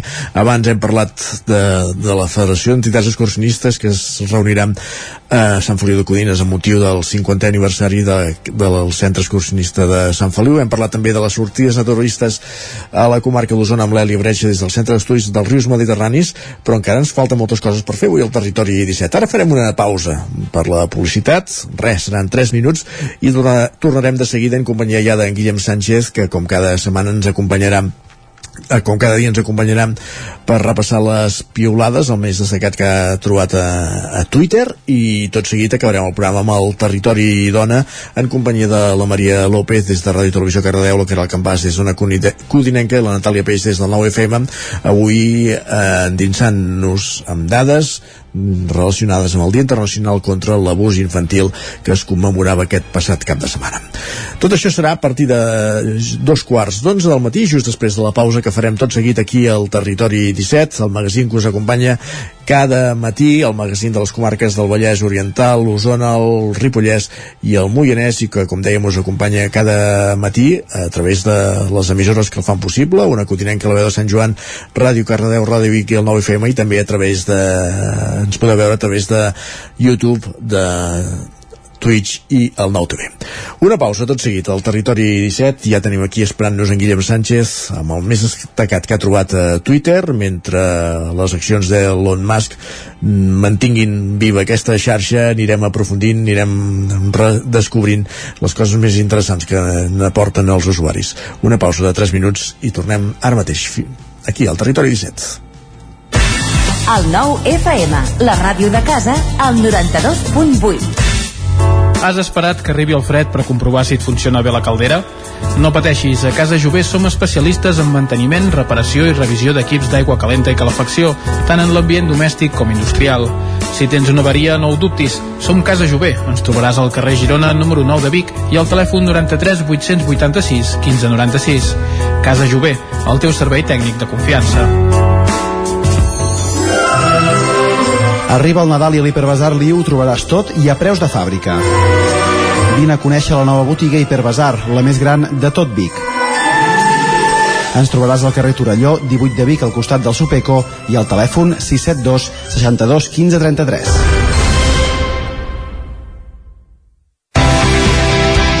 A la Piga descobriràs un nou centre de reforç escolar i anglès per tots els nivells i edats. La Piga és un espai de creixement per a infants, adolescents i famílies acompanyat d'un servei de logopèdia i psicologia. Vine, t'informarem de la nostra oferta i aprofita les nostres promocions i descomptes per nous clients. La Piga, passatge Germana Carme Mascaró 2 de Vic, telèfon 633 01 9018. Busques un espai ideal per fer trobades? A la Casa d'Espiritualitat Marc Castanyer dels Hostalets de Balanyà hi trobaràs espais ideals perquè a les escoles hi facin sortides o per fer-hi retirs o recessos entre setmana. Hi podreu fer nit o bé llogar-ho per un dia lectiu. Disposem de 33 habitacions, cuina de proximitat, sala d'actes amb projector, grans jardins i altres espais. En definitiva, un espai idoni per a grups escolars. Casa d'Espiritualitat Marc Castanyer. Més informació al 646 11 31 40. Fa dos anys, el nostre món es va buidar i avui els plats de moltes famílies segueixen buits. Per això aquest any tornem a omplir-los. Tornem a omplir el rebost de qui més ho necessita. El 25 i 26 de novembre torna el Gran Recapte. Tornem a omplir les caixes de solidaritat. Dona aliments o fes un donatiu a granrecapte.com. Ajudar a omplir. Als teus fills els agrada la tecnologia? Apunta'ls a Codelern, l'extraescolar de programació i robòtica que els ajudarà a preparar-se per al futur i a ser creadors de tecnologia. Gràcies al mètode Codelern, cada alumne aprèn al seu ritme i pot començar quan vulgui. Us esperem a la Ronda Francesc Camprodon número 45 de Vic. Més informació a codelern.cat. Anuncia't al 9FM. La màquina de casa. 9 3 8 8 9 4 9 4 9. Publicitat arroba al 9FM.cat. Anuncia't al 9FM. La publicitat més eficaç. El 9 FM, el 9 FM, el 9 FM, el 9 FM, el 9 FM. En punt, dos quarts d'onze.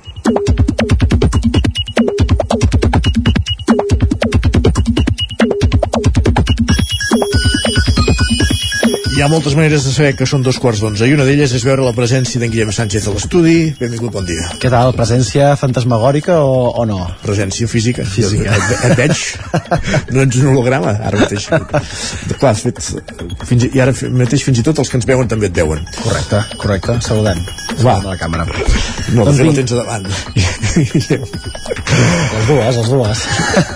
Va, uh, què has trobat avui a Twitter? Doncs va, T'imagines que us saluden d'aquesta manera tan efusiva com fa l'Elisabet per Twitter? Escolta Ja. bé, diu Bon dia a tothom, menys a l'amiga que a la meva festa de cumple es va intentar liar amb el meu nòvio davant de tots els meus amics quan jo estava a fora fumant.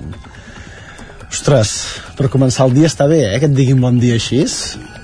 Sí. Són coses que poden passar amb les, amb les festes i amb les situacions T'has sentit al·ludida?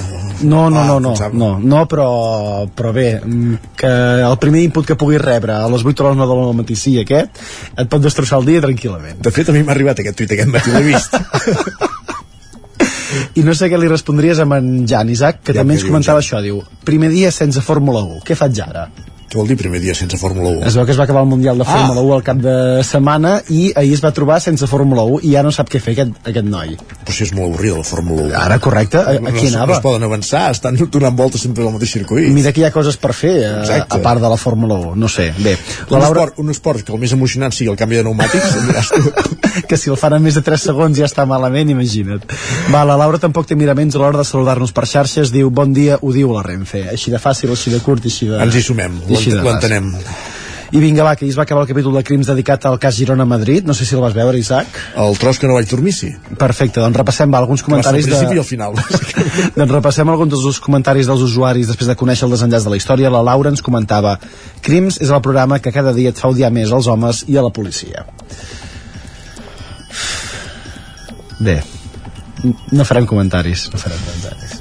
Bueno, bueno, a vegades, S'entén, sí. a, a vegades donen motius Sí, sí, uns i altres, però per sort no tots els homes són com els, surt, com els que surten a crims ni tots els policies eh, Són com els que parlen, som també. els que, com els que eh, investiguen alguns casos n'hi ha de molt bons també que surten a crims de policies eh? I tant. Va, i mireu que és trist, però el tuit de l'Eric també és 100% veritat, tal com ens recordava la Necora, una de les protagonistes de la història, diu Endorames a casa seva de Girona veient com han fet un capítol sobre crims, eh, sobre ell a crims.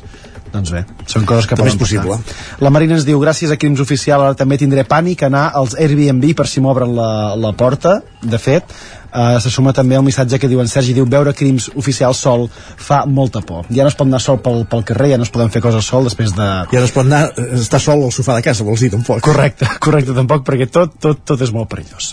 I vinga, va, canviem de tema i ja, ja vam començar a parlar del fred que fa, doncs això comporta altres problemes, com el que l'Eli intenta solucionar a través de les xarxes socials. Ens escriu, mirant de manera obsessiva vídeos a TikTok de com portar amb estil una bufanda. Ostres, eh, tenim altres preocupacions a la vida, no, Isaac? Sobre... Eh, si en el meu cas, la bufanda que em tapi el coll, sí. no? Tot i que és un gran invent, eh? Bufanda, Per això, bufos sí. i bragues Sí, sí. de, de coll sempre s'han de portar. I visca també la vida als bars i restaurants. I si no, escolteu la reflexió que ens fa la Marta. Diu, en un bar del poble fent el cafè, al meu costat tinc dos senyors fotent-se un ron cola després de dinar i un xavalet mirant-se un tutorial per invertir en criptomonedes. No sé quina, quina de les dues coses em sembla pitjor. Alguna aportació, Isaac? No, és que m'ha vingut al cap que la setmana passada vaig entrar a un bar molt proper aquí, a la plaça de la Catedral de Vic, de fet no molt proper, no, a la plaça de la Catedral de Vic, i van entrar dues senyores un dilluns a quarts d'una del migdia demanant si tenien copes de cava.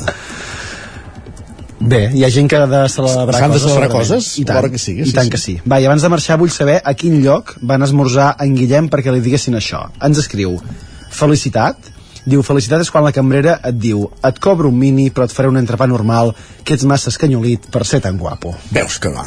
Això són cambrers. Eh, Cambrers com aquesta. Jo, falta. jo torno a dir, vull saber a quin bar va anar en Guillem per presentar-me allà, a veure si també em fan el, el mateix. I tots els ànims del món per la Mireia, per acabar la secció, que no ho està passant tan bé com aquest altre usuari. Diu, m'està sortint un queixal del seny, 37 anys tinc, agafa't fort.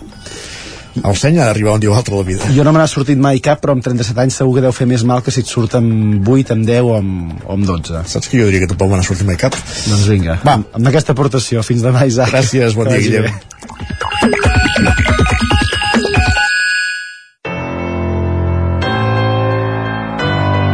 Territori, Territori 17. 17. Territori 17.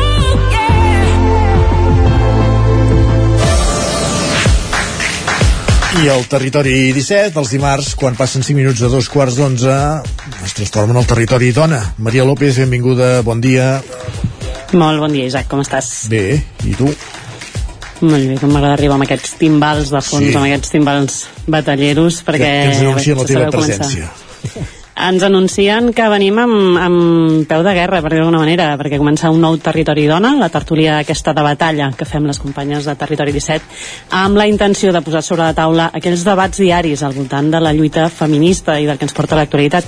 I com cada dimarts, per la nostra tertúlia, comptem amb les companyes d'aquí, de Territori 17, de la casa. Des del Nou Ràdio avui contem per la tertúlia amb la Natàlia Peix. Bon dia, Natàlia. Hola, bon dia. I des d'Ona Codinenca ens acompanya una setmana més la Caral Campàs. Bon dia, Caral. Bon dia. Doncs som-hi perquè el passat dissabte es commemorava el Dia Mundial per la Prevenció i Lluita contra l'Abús Sexual Infantil. Va ser el 19 de novembre de l'any 2000 que l'organització Women's World Summit Foundation van fer una crida a altres organitzacions dedicades al món de la infància i de la dona per fer una jornada de prevenció contra qualsevol abús físic, sexual o emocional que puguin patir els infants. L'objectiu era visibilitzar i posar mesures eficients i sostenibles per erradicar aquesta xacra social que ha estat històricament silenciada. Aproximadament, i quedeu-vos amb la xifra, un de cada cinc menors pateix algun tipus d'abús sexual. Les nenes, a més a més, tenen un risc major que els nens de patir-ne. Una de cada cinc, això vol dir un 20%. Si amb aquesta dada parléssim d'una malaltia, estaríem parlant d'una pandèmia mundial. Avui a la taula de Territori Dona parlarem de l'abús sexual infantil.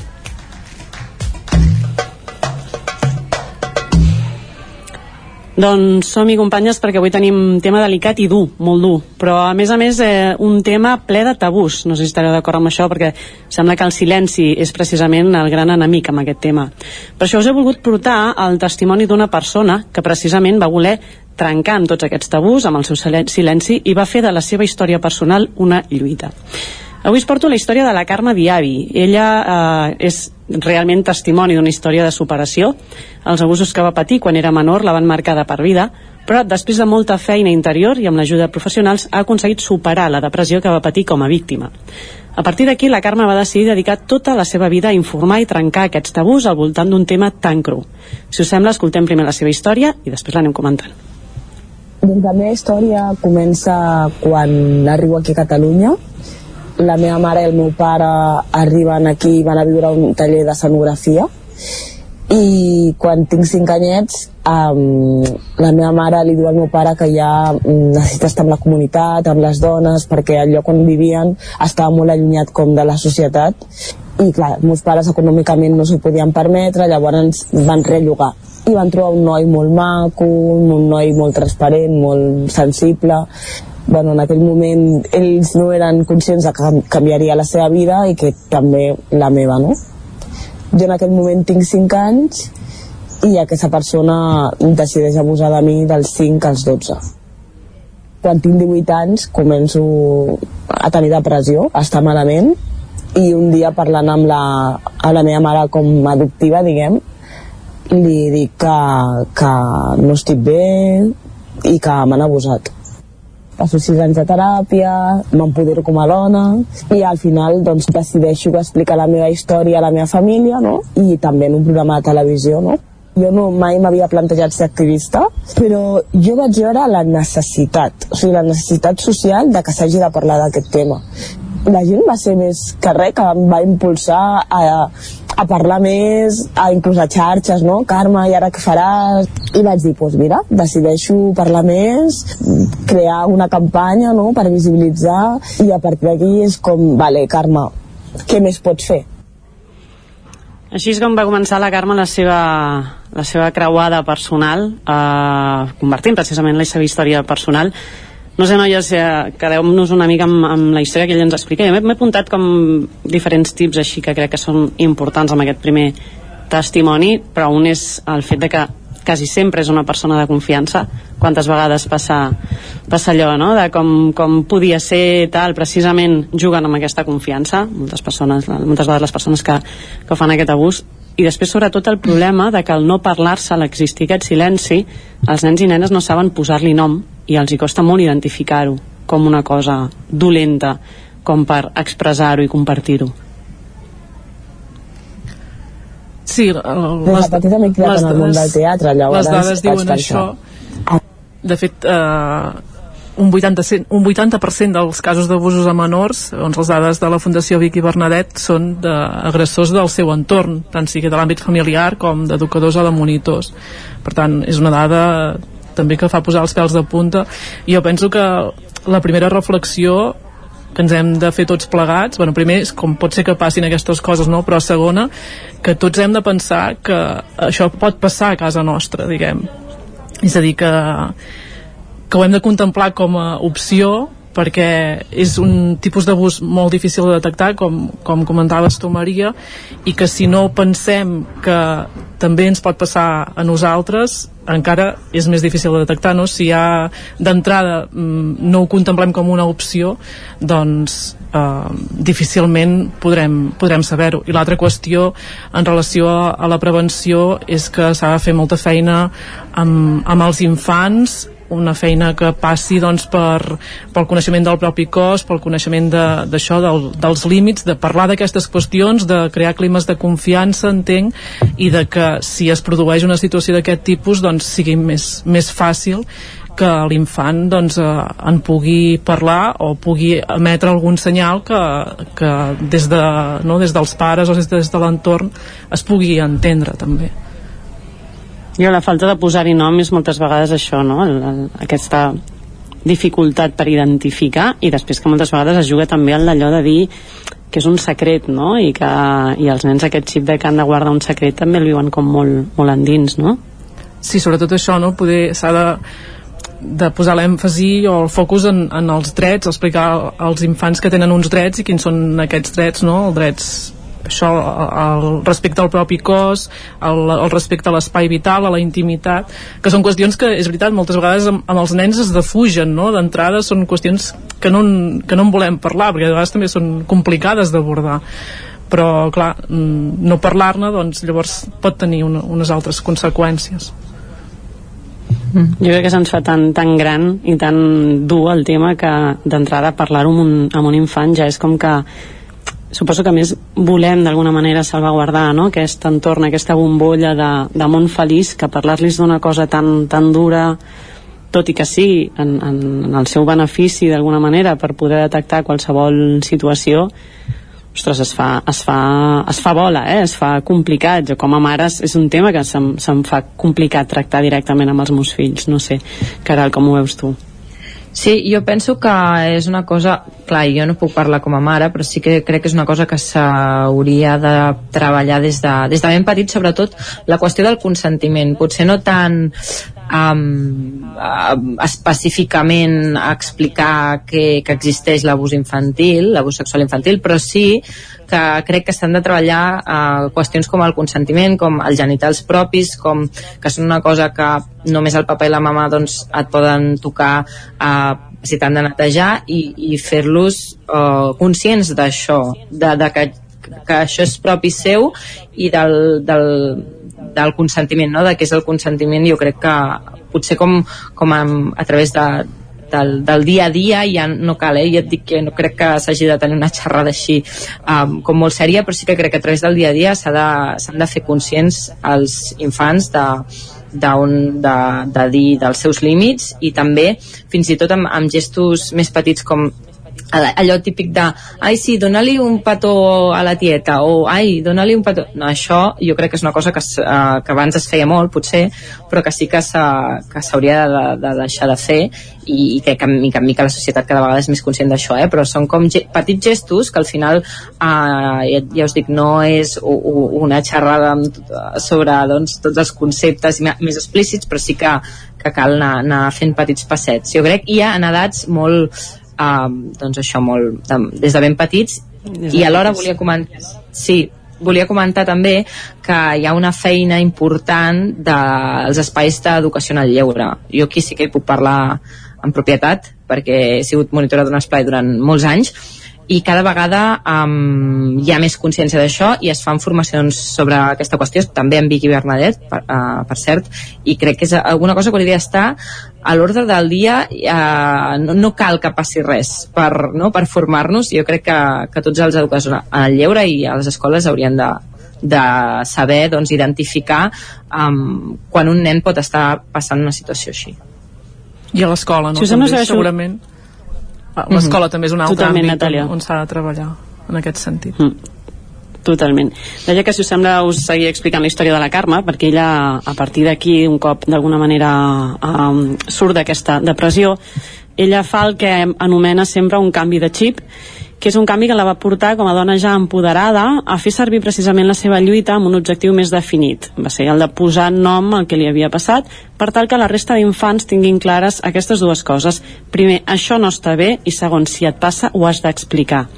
La Carme va començar en el seu moment amb la campanya Una de cada cinc que va tirar endavant amb altres víctimes d'abús l'any 2020 va ser guardonada com a Vallesana de l'any a través dels vots de la ciutadania del Vallès precisament per la seva tasca contra l'abús infantil i recentment ha creat la seva pròpia fundació amb aquest mateix objectiu.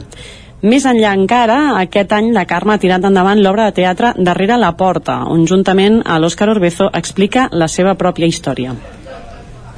Des de petita m'he criat en el món del teatre, llavors vaig pensar, a veure què podem fer amb això, no? També és veritat que des de l'art també arribes molt més, no? Més com... no és tan escabrós. Vaig parlar amb l'Òscar, ell fa molts anys que es dedica al teatre, i, i em va dir, ostres, doncs podem escriure un guió i a veure què passa. Va ser per mi un repte, perquè, clar, era posar paraules a tot el que havia passat i, a més, interpretar-ho amb l'Òscar, que moltes vegades ell no? té un personatge de l'agressor, llavors jo havia de veure un altre cop la, aquesta figura, no? I per mi ha sigut molt terapèutic de dir, ostres, és que el tinc davant. No, és ell, però el tinc davant. És una obra, jo crec que empoderadora. Cada vegada que l'hem fet, la gent surt eh, molt contenta i es crea una comunitat. Per exemple, al Teatre Polinama van sortir quatre víctimes explicant el que havia passat. I moltes d'elles van anar amb les seves famílies o amics. I van agrair a les seves famílies davant de tothom. L'entorn de confiança que es crea és, és increïble. Heavy eh, per part de la Carme haver-se de posar a reviure la seva història, tot i que sigui amb, amb un actor, i a més a més importantíssim aquesta part de teràpia i, i la part aquesta de comunitat que es crea quan interpreten l'obra on surten altres, altres víctimes, no? com ens explicava en el cas del, del poliorama. A partir d'aquí, la Carme tampoc ha deixat de fer xerrades escoles i instituts i destaca especialment la reacció dels infants davant una història tan crua com la seva. És molt complicat, no?, quan tens algú davant i t'està explicant a mi m'ha passat això, no? Segons la Carme, un dels principals problemes que arrossega aquesta lluita és el silenci que es genera És un tema que, com deia, o sigui, incomoda molt a la gent. Inclús a vegades estic a classes amb nens i els dic, fixeu-vos que quan explica la meva història us heu callat tots hi ha un silenci i, clar, i ells mateixos se n'adonen del silenci i dic, per què? perquè impacta, incomoda no? és com que no saps què dir i aquest silenci és un silenci social no estem acostumats a que supervivents ens expliquin les seves vivències és que jo estic aquí he viscut moltes coses no? tinc 29 anys però porto una vida de superació i això que crec que és un missatge que l'obra dona no? a dir, aquí estic aquí estic Aquí estic, em deia la Carme quan la vaig entrevistar, dient me n'he sortit, se'n pot sortir també d'això, però tant de bo ningú ho hagi de viure mai més. I aquestes eren les, les paraules que em deia i la veritat que increïble la, la Carme i tota la lluita que està fent, agafant la seva pròpia motxilla i, i evitant omplir-ne d'altres, no? No sé com, com heu viscut aquest testimoni que us he portat avui es crea, es crea el silenci, eh, que parlàvem que du, que du enemic, que és el silenci. Natàlia, com ho veus? Sí, és colpidor. Uh, aquí al Nou TV també vam tenir ocasió d'entrevistar-la, la, la Carme, quan va guanyar el, el Premi de, de Bellesana de l'any. I el que pensava és això, que, i, i ella és, ha sigut capaç no, d'explicar-ho i, i de fer-ne també un, un motiu eh, per superar-ho i per explicar-ho a altres persones i per fer prevenció en aquest sentit eh, es calcula que un 60% de les víctimes mai demana ajuda de les víctimes d'abusos sexuals infantils. Per tant hi ha una, molta part d'aquests abusos que queden en el silenci, en l'anoni- en l'anonimat, que no se saben mai, i això té unes conseqüències eh, molt dures per a aquestes persones en el seu desenvolupament físic, en el seu desenvolupament psicològic i a més a més també eh, diuen els experts que les fan més, més vulnerables a patir altres tipus de d'assetjaments, de violència familiar, de violència de parella en la seva edat adulta, no? Per tant, és molt important eh, que aquest silenci eh, deixi d'existir, que s'hi posi llum, que s'hi posin recursos i que canviem també una mica tots plegats el xip i, so, i, i sobretot que pensem per què passen aquestes coses i quines estructures eh, no sé, poden contribuir a que això es- estigui passant i hagi passat. Caral, no sé si has tingut tu l'oportunitat de, de conèixer la Carme també o què t'ha semblat el seu testimoni? O sigui, jo no, no la conec, però sí que en el seu moment vaig llegir doncs, els articles que se'n van fer al diari, el programa on ella va participar, alguna, algun tros l'he vist.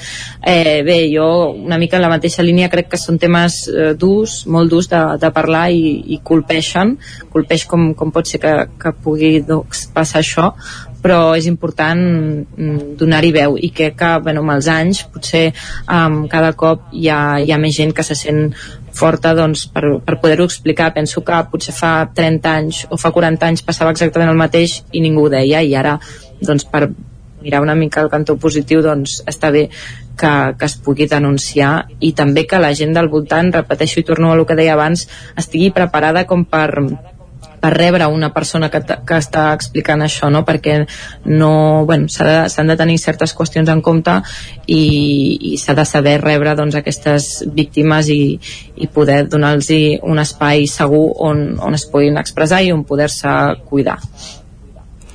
Doncs aprofitem per enviar una abraçada molt gran a la Carme i donar-li precisament les gràcies per aquesta tasca que fa i pel seu testimoni, perquè sempre, sempre té un momentet per atendre'ns i per, i per d'alguna manera seguir amb la seva lluita. I si us sembla, anirem acabant al territori dona, però fent una mica d'agenda, perquè aquest dissabte és 26N, Dia Internacional contra la Violència de Gènere. Dimarts vinent en parlarem al territori dona, però aprofitem per fer-vos 5 cèntims sobre els actes que tenim previstos al territori per celebrar aquesta jornada. Natàlia, què teniu previst per la zona?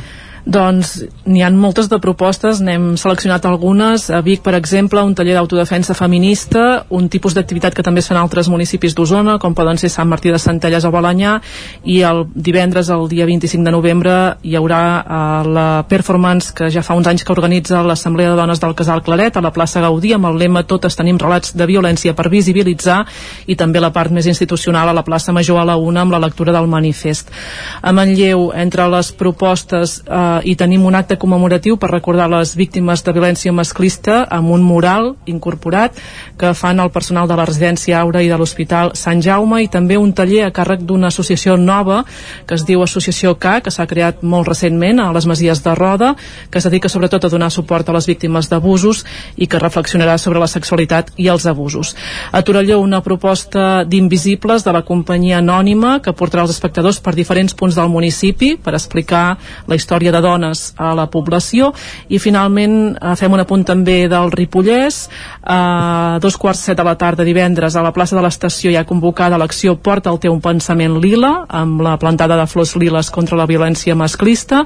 I eh, també propostes per a l'Institut Abat Oliva i l'Escola Badruna on s'hi farà un taller sobre violència de gènere i xarxes socials. Doncs uh, forces propostes per, per la vostra zona Vic Rodalies i ara ens anem cap a Sant Feliu de Codines i voltants. Què tenim per allà? Sí, mira, jo també us destaco alguna coseta de cada poble de per aquí. Aquí a Sant Feliu tenim um, doncs una proposta mira, enfocada al públic infantil. Serà el dimecres 30 de novembre um, un conte contes. Ell, que estimar no fa mal, és una sessió doncs, sobre la prevenció de la violència de gènere des de l'educació en el respecte i l'autoestima. I una mica um, doncs abans precisament demà dimecres a les 7 de la tarda hi ha una xerrada sobre ecomenstruació um, doncs per parlar de, sobre mètodes menstruals reutilitzables com poden ser la copa o les compreses de, de tela. A Caldes de Montbui us destaco l'exposició Resistents i de portades que es pot veure a la Biblioteca Municipal fins al dia 3 de desembre i l'acte central eh, el dia 25 a partir de dos quarts de sis de la tarda hi haurà una masterclass d'autodefensa feminista per a dones, micro obert i música, un mural lliure, dinàmiques i material de sensibilització. Serà a Caldes, al carrer Sant Pau a l'alçada del parc de, de l'estació. A Vigues i Riells eh, fa, fa dies que fan cosetes. Van començar el 4 de novembre i les pròximes propostes que tenen és el, el 25 precisament amb lectura de manifest i monòleg a càrrec d'Azari Vivanc i tancaria amb el, amb el Moianès. Aquí tenim amb l'actuació Jo i la meva futura jo amb Núria Clotet a les 7 de la tarda dissabte 26 um, i, i, i una altra proposta a l'Estany uh, dissabte a dos quarts de set de la tarda relats de bruixes i dones fosques amb Assumpte Mercader. Doncs us dic ràpidament que Cardedeu, el Casal de Joves La Paqui, ha organitzat també tota una tarda d'activitats al seu local. A les 6 de la tarda han preparat un taller d'autodefensa. A les 7.30 estrenat un nou vídeo del projecte de càmeres ocultes que van fer en col·laboració amb les voluntàries de Televisió Cardedeu, on es podrà veure com reacciona la gent quan veu en una terrassa d'un bar com un home gran intenta lligar reiteradament amb dues noies menors. A les 8 hi haurà sessió de debat amb el Cercle de Jefes. Les Jefes de Cardedeu són un grup de noies joves del casal que es dediquen especialment a l'empoderament de les joves a través de moltes accions i finalment a les 9 un cercle de noves masculinitats. Així que com veieu tenim tot el territori ben ple de propostes per aquest 26N Dia Internacional contra la Violència de Gènere. I avui per tancar el tema amb el que veníem, tenim una cançó dels Pets, la cançó amb la que en Joan Reig, membre del grup, explica els abusos dels que va ser víctima de petit. Així que amb aquesta dura història us acomiado, Natàlia Caral, moltíssimes gràcies eh, per la tertúlia d'avui. I ens acomiadem fins dimarts vinent amb un nou Territori Dona.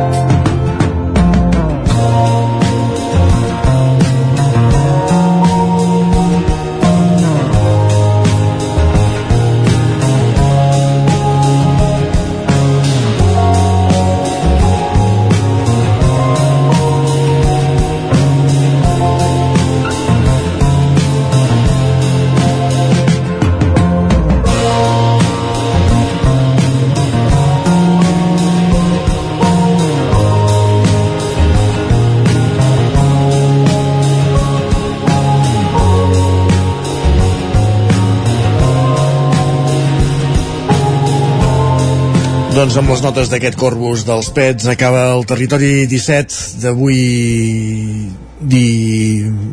el territori dona i el territori 17 d'avui dimarts 22 de novembre de 2022 us hem estat acompanyant des de les 9 del matí fins ara que són pràcticament les 11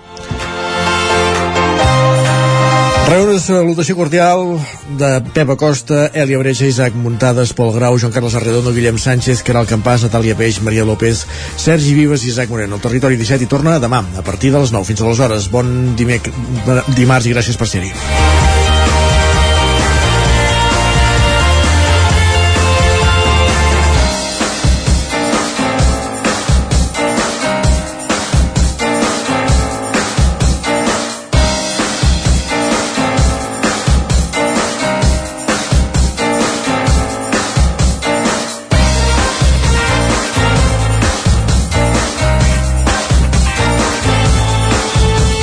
Territori 17, un magazín del nou FM. La veu de Sant Joan, Ona Codinenca i Ràdio Cardedeu amb el suport de la xarxa.